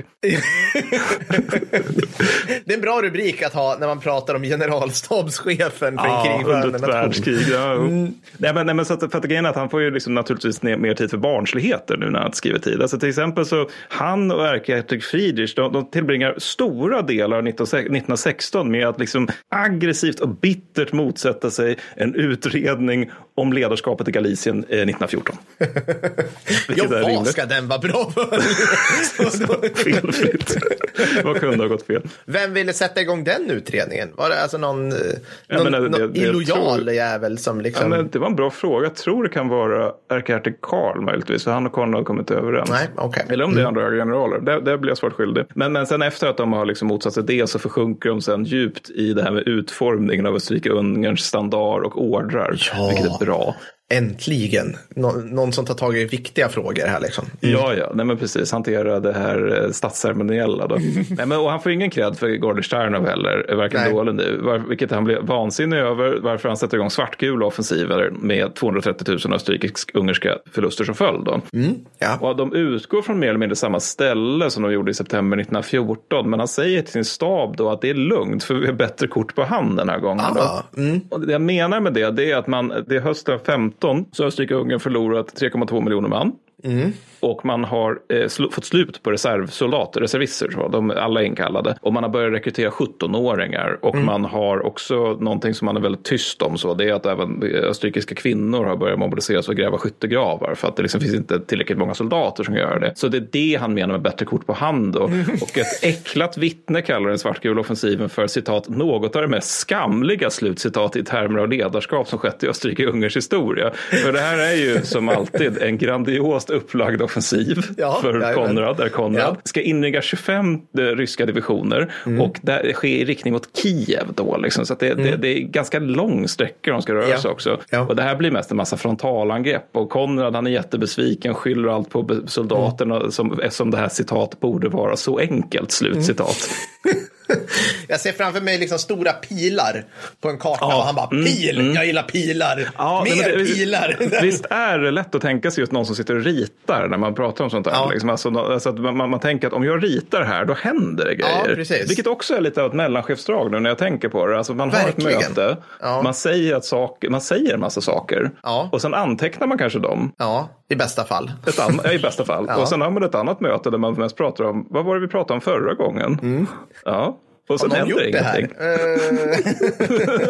jag kollar upp det till nästa Vi har ju möte. Och så- beslutat att. Ja, Ja. men, ja, men, alltså, det, fan vad han hade gillat paddel alltså. Men, men oavsett då, så Falkenhayn vill absolut inte invadera Italien 1916, vilket Nej. Konrad tycker är skittråkigt. Så därför så gör han då så att det finns en massa österrikisk-ungersk trupp då som är under Mackensen. Då. Mackensen hänger på östfronten och han är ju dessutom, Mackensen är sjukt bra general. Så att han, han är ju också en av de som faktiskt kan få österrikisk-ungersk trupp, trupp att liksom prestera så. Liksom, att han förstår det, att okej, men om vi motiverar dem och så där och vi ger dem rimliga mål och medel så kanske det går bra. Liksom. De blir han av med nu då för att äh, äh, liksom, ja, Konrad är liksom en pissing contest med Falkenhayn. Och sen får Konrad invadera Montenegro, vilket var ett projekt som tyskarna liksom inte tyckte var värt mödan. Liksom, vad ska de göra? Alltså, ska de blöda på oss? Liksom, är... Invadera Montenegro. Vi låter den här praktikanten skriva ihop operationsplanerna för invasionen av Montenegro. Because who cares? Vem kan Ja, men alltså, det är misslyckas? inte liksom? så svårt. Liksom, serberna är redan borta leken och det var ju liksom de som var lite mer kickass. där. Men, men eh, liksom, Montenegro är säkert kit- kickass, men de är inte så många. Liksom. Alltså, det, det, vad ska de göra? Ja, men, så, och sen är det också det här med att Falkenhayn hemlighåller Verd- Verdun-offensiven för Konrad av fullt rimliga skäl. För att det läcker som ett jävla såll ur AIK. Medan Konrad då naturligtvis svarar att hemlighålla Asiago-offensiven. Och det var nog tur för det. För Fal- Falkenhayn hade inte tyckt om Asiago-offensiven. Det hade han inte tyckt om. Här, pannådra hade växt ännu mer. Liksom, två, två centimeter ner till ryggen. Dunk, dunk. Nej, men, så att, men det är ju den här gamla manin Konrad har då som han har haft sedan han var liksom, vad fan var det, divisionschef i, eller till och med arméchef vid Trieste, liksom vid gränsen där. Han har alltid velat ha krig med Italien, liksom så lite, som du uttryckte väldigt väl i avsnitt sju. Jag har sagt sex i den podden tidigare, men jag är rätt säker på att det är sju. Att han gör det här för, på grund av fuck Italien. Alltså det är typ det. Alltså han bara ogillar italienare i största allmänhet. Nu är de i krig med Österrike-Ungern, så varför inte? Liksom. Ja. Så att eh, han får äntligen krig mot dem och han anförtror en underhuggare att han har, det här citat varit en dröm att få anfalla ända sedan just tiden i Trieste. Vilket jag säga, att det, är inte, det är inte hans personliga... Ja, ja. Jag skulle vilja grotta lite med den här Italiens usla relation till alla sina grannländer ibland. Alltså, så här, hur har de lyckats med att få alla att hata dem i alla århundrade efter århundrade känns det som. Jag vet Men det inte. undrar jag också för att de är väldigt trevliga när man är där. Liksom. Ja, vad det sämsta som kunde ha hänt dem var att de enades. Alltså det Ja, var, mycket, kanske. var mycket skönare med de här olika stadsstaterna. Nej, Jag, jag, jag vet inte. Nej, ingen aning. Precis, Toscana är ett eget Men land. blev liksom. från att de enades så blev de ju så här dödsfascister. Det har vi gjort ett avsnitt om. Eh, alltså det har så vi. här, botten, bottenlösa rövigheten i den tidiga italienska staten. Mm. Hur som haver. Mm. Ja, nej, men, men, men sen också för att ha en Asiago-offensiv så måste ju Konrad då göra det enda lim, rimliga, det vill säga att han tar bra österrikiska förband från öst, östfronten och Isonzofronten, då, vilket Mm. ju naturligtvis försvagar dessa, vilket säkert inte får några följdeffekter. Och Asiago-offensiven, den är ju tänkt att ha ett överraskningsmoment. Det Ja. vill man ju, det vill man vill ju man gärna ha. ha. Ja. Ja. Alltså lex Ryssland invaderar Ukraina, det vill säga, vi får se hur inaktuellt det här är, men det vill säga, man säger till fienden en månad, vi tänker anfalla er. Och sen så gör man det också istället för att göra det rimligt att man har det här som Sen en har vi lex västvärlden. Jag är i chock. Det här hade jag ingen aning om. Citat många svenskar. Det är otänkbart. Det är definitionen av inte otänkbart. Ah, förlåt. Ja, men det är väl det här liksom att man, man, eh, man på något sätt förutsätter att man, liksom, det ska finnas ett annat lager. Det var ganska många som var, tänkte det när det gäller Donald, att det ska finnas något mer lager än det här liksom en person som följer sina sämsta sidor. So Putin is now saying it's independent, a large section of Ukraine. I said, how smart is that? And he's going to go in and be a peacekeeper who's very savvy. I know him very well. Och så visar det sig att nej, det gör det inte. Det är det. Det är det laget. Punkt. nej, men så, I varje fall då, så att han vill ha ett överraskningsmoment. Men det här, alltså, Asiago-offensiv försenas ju naturligtvis med en månad. Så italienarna bara, de är där borta. De kommer att Ja. anfalla oss. Ja. Liksom. Och eh, Konrad gör även liksom, den här liksom, helt revolutionerande tanken att han överväger att besöka fronten vid Asiago. Oh, ja, men det är när, ja, överväger det. Mm. Mm, ja, men liksom tänker tanken ändå. Men bestämmer sig sen för att inte göra det Nej, eftersom nej, det skulle nej. förolämpa ärkehertig Eugen som för, för kommando över Asiago. Ja, just det. Ja. en, en, en ädling återigen som för kommandot. Som om det vore medeltid. Ja, men också vem bryr sig? Alltså, det är bra om generalstabschefen vet vad som händer på marken. Men, men så kan det vara. såklart. Mm. Och det han Konrad vill då, det är ju det är återigen, det är en ganska bra idé. Alltså. Mm. Liksom, man har många bra idéer och man bortser från att han helt bortser från medel, geografi, väder och sånt Mm. där. Liksom, men det är en ganska bra idé. Så man vill skära av den italienska armén som är grupperad vid Sonso. Liksom. Mm, Och det, det, är liksom, det är en bra idé, för de har ju det mesta där. Så man skär av dem, kan man ha dem i ficka och sen försvinner den italienska armén. Liksom, jättebra idé. Men eh, det här det leder till framförallt 80 000 österrikiska förluster och att några kilometer berg tas. Eh, sådana har man redan då. Och orsak till misslyckande är ju då att Konrad som alltid valt, just valt att bortse från väder och terräng då. Och eh, ovan har gjort att var tredje trosståg kommer fram till fronten överhuvudtaget. Vilket är olyckligt efter Vilket är krigen. Vad händer med de andra? De, bara, de kommer bara inte fram. fastnar liksom de i lera lite här, vann Lex Ukraina igen. Men så fastnar Ja, i lera, de, de, de fastnar i berg, några Ja. tappar bort sig, några går hem. Alltså det, det, är liksom, det är bara var tredje som kommer fram och det innebär att man har bara var tredje artillerigranat, var tredje känga och var tredje häst eller något åt det hållet. Känga. Så då tänker jag... Första snubben, han har inga kängor. Den andra snubben har en. Sen den tredje snubben har inga kängor. Den fjärde snubben har en.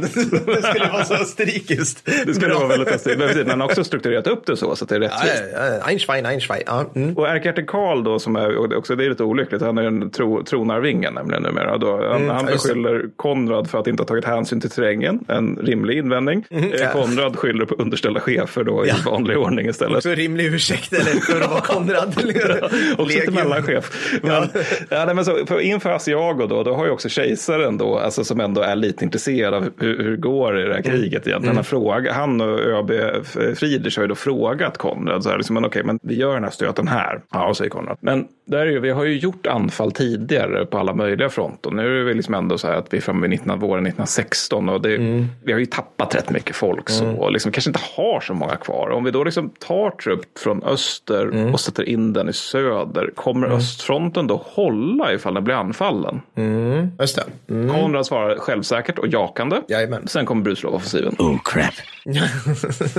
det är tråkigt att han liksom har den tajmingen så att den precis perfekt matchar typ den enda på riktigt framgångsrika ryska offensiven under 1900-talet. Alltså, så här, men jag är liksom, alltså, jag är så här, liksom, det råkar vara så att den enda kompetenta ryska generalen, typ ever, nej men liksom, Ja, ja. råkar vara precis mot den österrikiska fronten där i Ja. Ukraina och västerut. Tråkigt. Ja, men det var liksom, men tänk, tänk om man hade haft tur och Evert hade fått lite feeling. Då hade, Ja. inte, då hade de kanske kunnat hålla ihop där. För då hade bara varit så här, liksom, skicka bönder mot kulsprutor tills de får slut på ammunition. Ja. Och sen hoppas vi att vi har fler bönder efter Ja. det. Så att de kan högaffla ner. Liksom. Klassiskt rysk eh, Ja, det taktik. var precis. Ja, ja. Men, men, men grejen är också att när Brusilov-offensiven så vägrar Konrad ta den på allvar. Liksom. Mm. För att du vet, det är liksom Friedrichs födelsedag, det måste man ta hänsyn till. Man har en galamiddag man ska planera.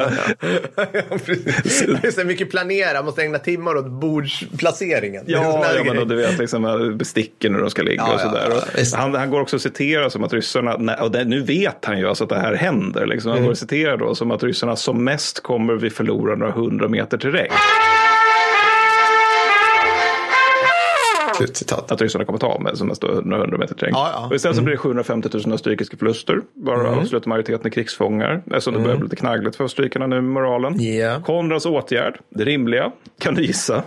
Skyller på underhuggare och... ja, det gör han också.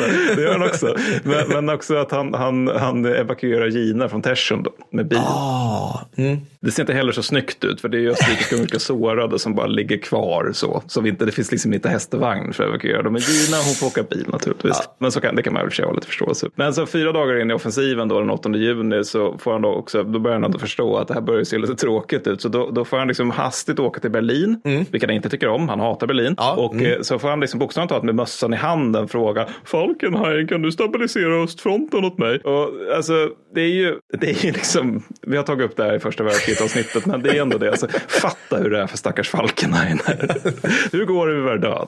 Ett jävla slotterverk. Ja. Vet vi att britterna kommer komma och anfalla oss inom en månad? Ja, det kommer Ja. de göra. Vi Ja. som. De är svinmånga, de har allt artilleri i världen. Och så kommer jävla Konrad och bara, kan du ta divisioner från västfronten? Ådran! Ådran. det blir så här treflod av ådran. Ja, Och också återefter att Falkenhayn har sagt "Man kan- sluta anfalla, liksom, bara håll istället. Ja. På Konrad, givetvis anfaller Ja. både svartgula och ser Ja. Men i, i Wien då, när han är där, då pratar han mest om att det är brist på tur, slutcitat. Och att Mm. liksom, Brusilov-offensiven var någonting som ingen hade kunnat förutse. Nej. Vilket givetvis inte stämmer. Och i svallvågorna av det här då så tappar österrikiska-ungerska civila ledningen, notera inte nödvändigtvis den militära, men den civila ledningen, de tappar helt förtroendet för Konrad då. Så de kräver att tyskarna nu ska få bestämma över kukarmén. det är alltså... Det, bara fråga, den civila ledningen, är det någon form av så premiärministrar som vi Ja, har? Eller är det precis. kejsaren? Liksom? Nej, men alltså kejsarens, kejsarens kabinett i grund och botten. Förbannade tjänstemän som inte ser Konrads briljans. Ja, men de, de har ju två av allt också, så de har ju liksom två utrikesministrar. Två. Ja, men alltså, de tycker inte om Konrad längre. Men också notera det lätt exceptionella i det här. Alltså, för tänk dig nu om det är så att ryssjäveln kommer nu idag. Sverige och Finland, brödrafolken, går ihop. Sverige utser liksom typ så här, din mellanstadielärare i slöjd till att styra de svenska styrkorna. ja, ja. Får göra det. Alltså, ta, jag tror Tage skulle klara sig, alltså, han, han är- var nog rätt lättstressad. Så att det skulle nog, ja, plus att han är väl 80 nu. Typ, Ja, liksom. men, precis. ja, men så jo. Tage gör sitt bästa och det leder Ja. till mest till liksom onödigt höga svenska förluster. Då. Ja. Var på eh, Magdalena Andersson till slut och säger till finländarna att kan ni ta kommandot över vår armé? Vänta, vänta, får jag försöka? Eh, kan ni ta kommandot över vår armé? Alltså hon har en väldigt speciell, liksom platt ja. stockholmska som är väldigt så här, ja, alltså, ja, jag ska bli bättre på det. Jag ville bara försöka nu när vi Ja, hade men det var bra försök. Men alltså, Ja, tänk- betänk det exceptionella i den situationen. För det är Ja, inte så vanligt att ett land säger till ett annat land att kan ni ta Nej. över våra väpnade Nej. styrkor? Går det bra? Och Konrad han blir inte glad av det här då eftersom han har ju liksom varit mot en enad ledning sedan krigsutbrottet. Det var Ja, det ja, värsta han ja, kunde visst. tänka sig då. Ja. Men han blir jätteglad över att Falkenhayn äntligen får sparken då plus Rumäniens intåg i kriget. Så det är ju någonting att trösta sig med. Just det, Rumänien. Och nu vänder väl alltihopa? Alltså ja, om det- Rumänien kommer med, då är det ju... Ja, det, det är ju ju 1916 västmakterna vinner trots allt, eller snarare ja. Entente Cordial. Nej, men så Frans Josef då, det blir, det blir Konrad mer ledsen över. Det, Frans Josef dör 21 november 1916 och det blir ju Konrad ledsen över för att han är kaiser tror jag, men sen också blir han ledsen för att den som tar över då är ärkehertig Karl då. Mm. Och Karl är ganska snabb med att göra eh, Konrad till fältmarskalk, vilket Mm. är ju snällt så. Och han gör även sig själv till ÖB snarare än Friedrich. Ah, vilket okej. är när Konrad nu faktiskt ansvarar inför någon på allvar. Alltså han ansvar, alltså Friedrich gick ju bara kollra bort med lite kortspel sådär, Mm. med liksom några bra, bättre binddagar. Men Karl, han är liksom 29 år gammal och ganska pigg. Och han Mm. också säger att det vore bra om vi fick slut på kriget och det här onödiga massdödandet. Ja. Så eh, Karl, han, det är också det värsta egentligen. Karl, han liksom ger order om att Teschen ska blåsas ut. Liksom. Alltså att fruarna ska ut därifrån. Fruarna och älskarinnorna det måste bort. Jag ska bort. Jag menar, alltså, alltså, beordrar liksom att AK ska skickas till Baden då för att de ska kunna styra armén. Ja. Och det här ogillar Konrad för att han hade haft, det väldigt bekvämt i Teschen. Och, Ja. så, så liksom. och den är ju då att 27 februari 1917 så får han ju dessutom sparken. Ja, där, har, där har vi det. Eh, Alltså Karl har här liksom en, en generell utrensning av stabsofficerare så att han, han tycker att det här kriget har varit lite misskött och Mm. vi kan nog göra bättre ifrån oss. Så att eh, ta bort liksom rätt mycket. Men det är ändå 1917, sa du det? Ja, så att det är lite sent på tänkte jag egentligen. alltså typ amerikanerna är ju nästan med i kriget vid det här laget. Liksom. Ja, men precis. Och, och det är också att, att eh, som man jämför med tyskarna återigen, det är ju att de har ju en liknande utrensning 1914 på hösten. Mm, just det. Eller i varje fall till så mått att Moltke får sparken då, för det går liksom inte att ha en fredstida generalstabschef som ska styra i krig, visar det sig då. Eller förstår tyskarna då, så då tar de in Falkenhayn istället, vilket är ett bättre beslut. Medan österrikarna behöver lite betänketid, så det blir 1917 istället då. Tre år de så värsta här, på vi- vi ändå 1900-talet. Vissa Ja. motgångar. Så. Men, men, men, men problemet är ju då alltså att eh, deras ersättare, de är ju liksom också folk som har utbildats av Konrad, alltså de nya stabsofficerarna. Så det blir liksom, österrikisk-ungerska armén blir, den blir bättre mot slutet av kriget, men det är fortfarande det här med att den har verkligen ledningsproblem kriget igenom. Men alltså de lär sig, alltså kring 1917 börjar de ändå liksom ta lite lärdomar, men det är ju när Konrad är borta, det är ju då de börjar komma med Stoss-truppen efter tysk, modell och så vidare, saker i den stilen. Men det grejen är då också att Konrad, han blir då armégruppchef istället, så han får ta över armégrupp Konrad i Sydtyrolen, vilket Vilken Målbild att glädje. något, något ska heta armégrupp Konrad i den här poddens historia. Vi måste skapa någon form av subgrupp någonstans som heter armégrupp Konrad. Ja, men det låter så trevligt Ja, också. det alltså, att det var bra om man skulle ha det i den. Liksom.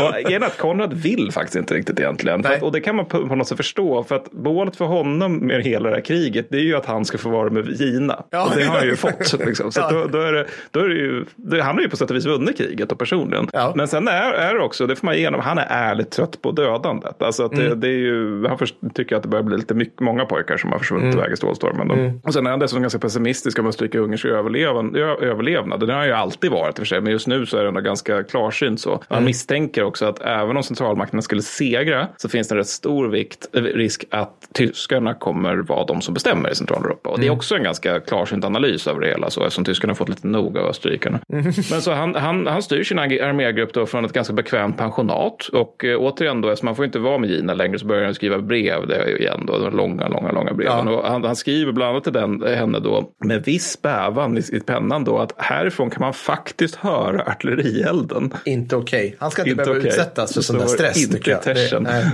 men, men alltså, då är det både bra och dåligt då, att, han, att han får mindre tid att jobba som vi konstaterade. Eller liksom, Mm. Ja, visst, visst. ja, men så är det. Men, men samtidigt också, alltså, det, det här börjar ändå på något sätt lite, nästan lite grann ljusna för Konrad. För att han, han trivs rätt bra i sin nya roll. Så där han liksom börjar faktiskt besöka fronten rätt ofta. Nu när han är, är armégruppchef snarare än generalstabschef. Och han gillar att umgås med frontsoldater. Han trivs bra med soldater, med andra officerare. och Så där. Och han älskar ju det här land- alplandskapet. Han och Gina brukade ofta se- se- semestra där. Och brevskrivandet det upphörde. Så att de, när Gina faktiskt till slut kommer då, alltså kommer på något sätt då lyckas de smussla in henne där. Och då, då börjar de istället spela bridge och ta dagliga promenader då i det Ja, väldigt fina ja, landskapet. Då. Dessutom, och det här tyckte jag var lite kul, eh, han börjar pro, eh, prenumerera på den socialistiska arbetartidningen. Va? Va? Vad är det som händer? Men det är ju för att citat känna fienden. Slutcitat.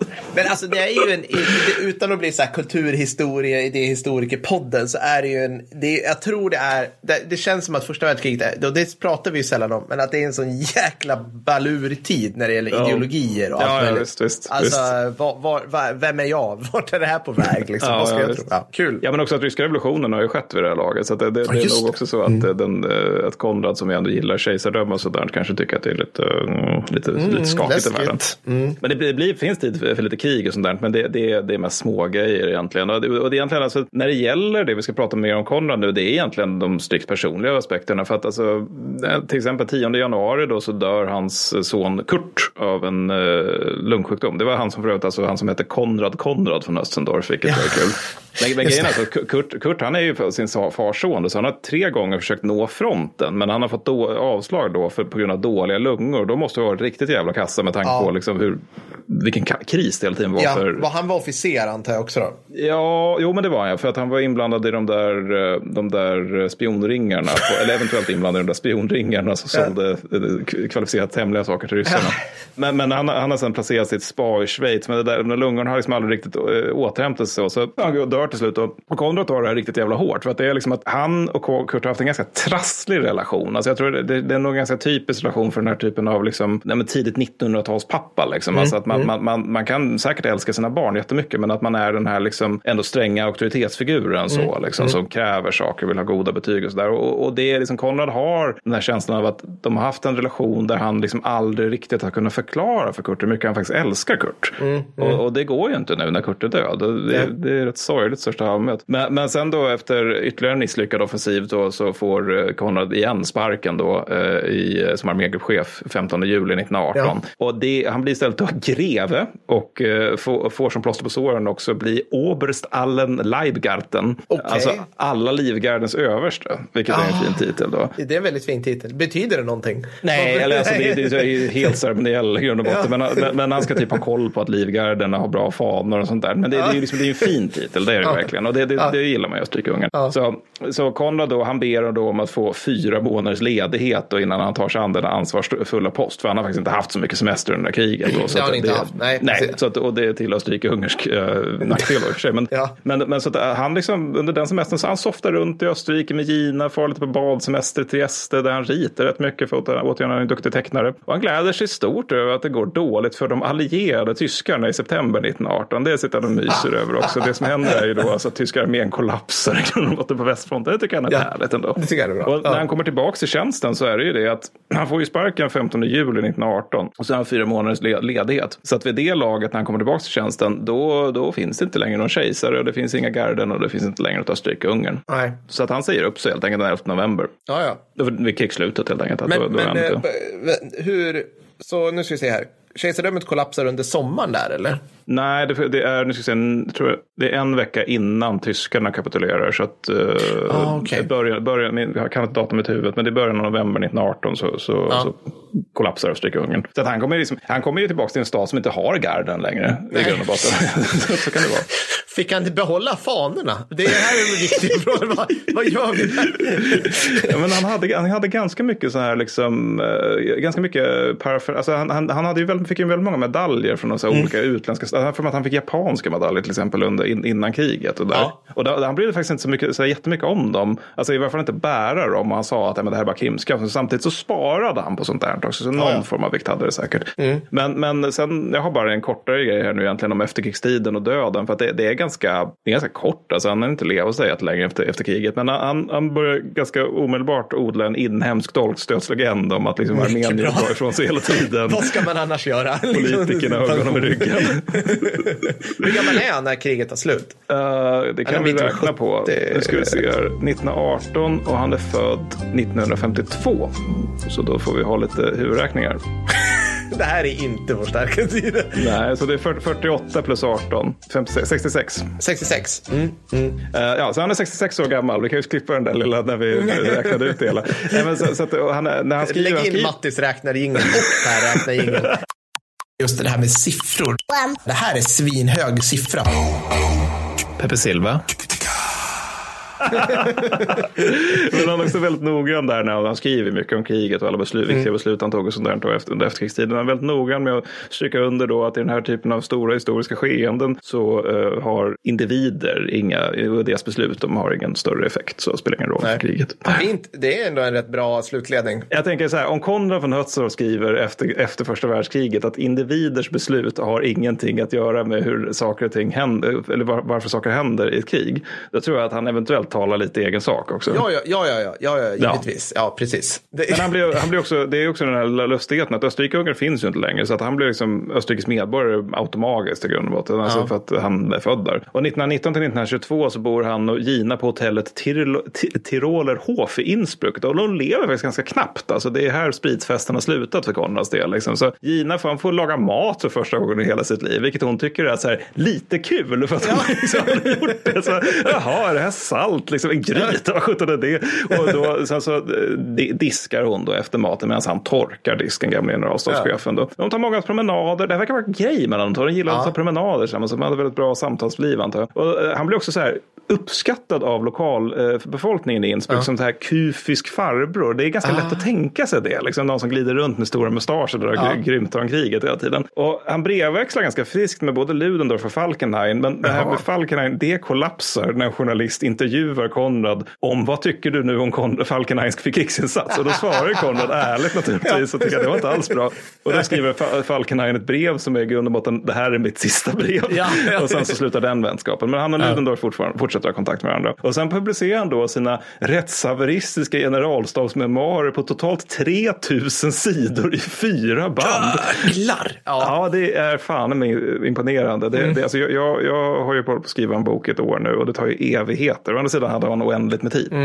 Och det här är ju stort då för att han och Gina ska kunna försörja sig till viss mån också för att han är ju en bra bit äldre än Gina så att han tänker liksom att hon ska ha något sådär liksom efter att han dör. Det, det är ganska intressant med de här general, generalstabschefsmemoarerna för att de var länge någonting som så här lite inte så nogräknade historiker bara utgick ifrån och tyckte att men det här är väl sanningen. Och det är också mycket därför som det fanns Källkritik liksom. uppfanns efter 1945. Ja, typ. men man får ibland det intrycket. Alltså, för, för, för att det, det, så på något sätt att det, det fanns ändå en strömning efter första världskriget som var så här, jo men Konrad var en alldeles lysande general och sen dog den ganska hårt. Den fanns kvar lite längre i Österrike men den är nog ganska utrotad även där. Så. Men, men och det är också så här, liksom, det är ganska kul med hela upplägget för den där. För så tredje delen, det är ju det som handlar liksom 1914 och det är liksom mest, mest ett mischmasch av detaljer. Så där. Liksom, det, finns inget, det finns inte så mycket åsikt om strategi utan det är mer liksom bara en så här tvättlista på olika grejer som kan eller kanske inte hände i grund och botten. Och han hinner bli dubbelfarfar också 1924 24, via Egon och hans fru Kanda. Han skriver om då sitt, sitt, eh, sitt testamente så att alla medaljer svärd och annat så här tingeltangel som han har fått ska gå till sonsonen Frans då så att han, han verkar liksom eh, uppskatta den lilla barnet då. Och i övrigt så, ska, så, ska, så ser han också till via testamentet att Erwin, Egon, alltså de två överlevande sönerna och Gina ska få sitt. Sen då är han sjuk i olika så här konstiga, han har ju liksom, han har ju haft alltid haft det här, eller sen hans första fru dog så har han ju haft det här lite, eh, lite alltså han har varit lite rädd för bakterier och sjukdomar och sånt där. Men nu blir han faktiskt ga- ganska ordentligt sjuk i så här olika så konstiga sjukdomar 1924 till 1925 och det är så här ansatsvis. Men sen så 23 augusti 1925 då så får han en rejäl lungsjukdom och snart är han sängliggande av den då och kan och jämt andas. Och då dyker upp en läkare då som använder, det är faktiskt med tanke på det så är det lite av ett under att han överlevde spanska sjukan för att den slog ju rätt hårt. För sen slog den framförallt mot unga. Men då var det så att han ligger där i sängen då och då är det en läkare som dyker upp och tving, tvingar i honom lite svart kaffe med sked som jag antar att man tänkte att det är väl mirakelmedicin i grund och botten. Ja. Och hans reaktion det är att utropa, nu vet jag hur man ska göra det. Jag har i mitt liv alltid försökt att göra för mycket på en gång. Och det är det sista han säger. Det är faktiskt den sista insikten han har. Vilket är en korrekt insikt också. För det är precis vad han har gjort i hela sitt liv. Men nu inser jag att om man dricker kaffe med sked. Då är det ju inte så dumt i alla fall. För att eh, efter det så faller han i koma. En koma som han aldrig vaknar upp ur. Och han dör omgiven av Gina och Egon den 25 augusti 1925 klockan 13.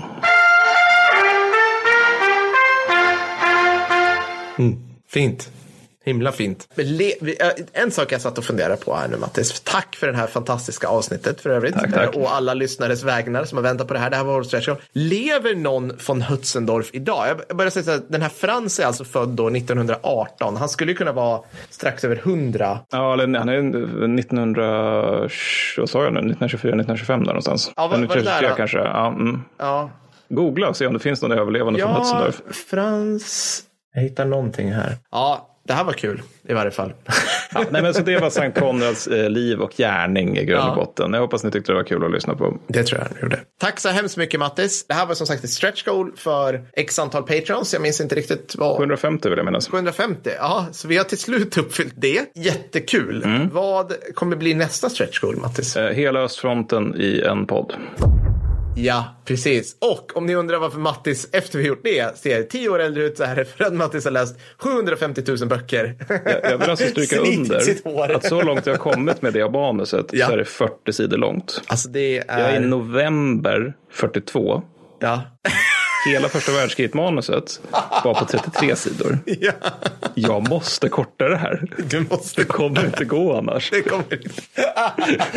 jag, jag, vet, jag vet hur jag kommer göra när vi spelar in det här. Jag kommer liksom så här, mm, mm, och sen kommer jag så här klippa in en freeze frame på mig själv i, i Discord och sen gå och ta en tupplur och komma tillbaka och bara mm, mm.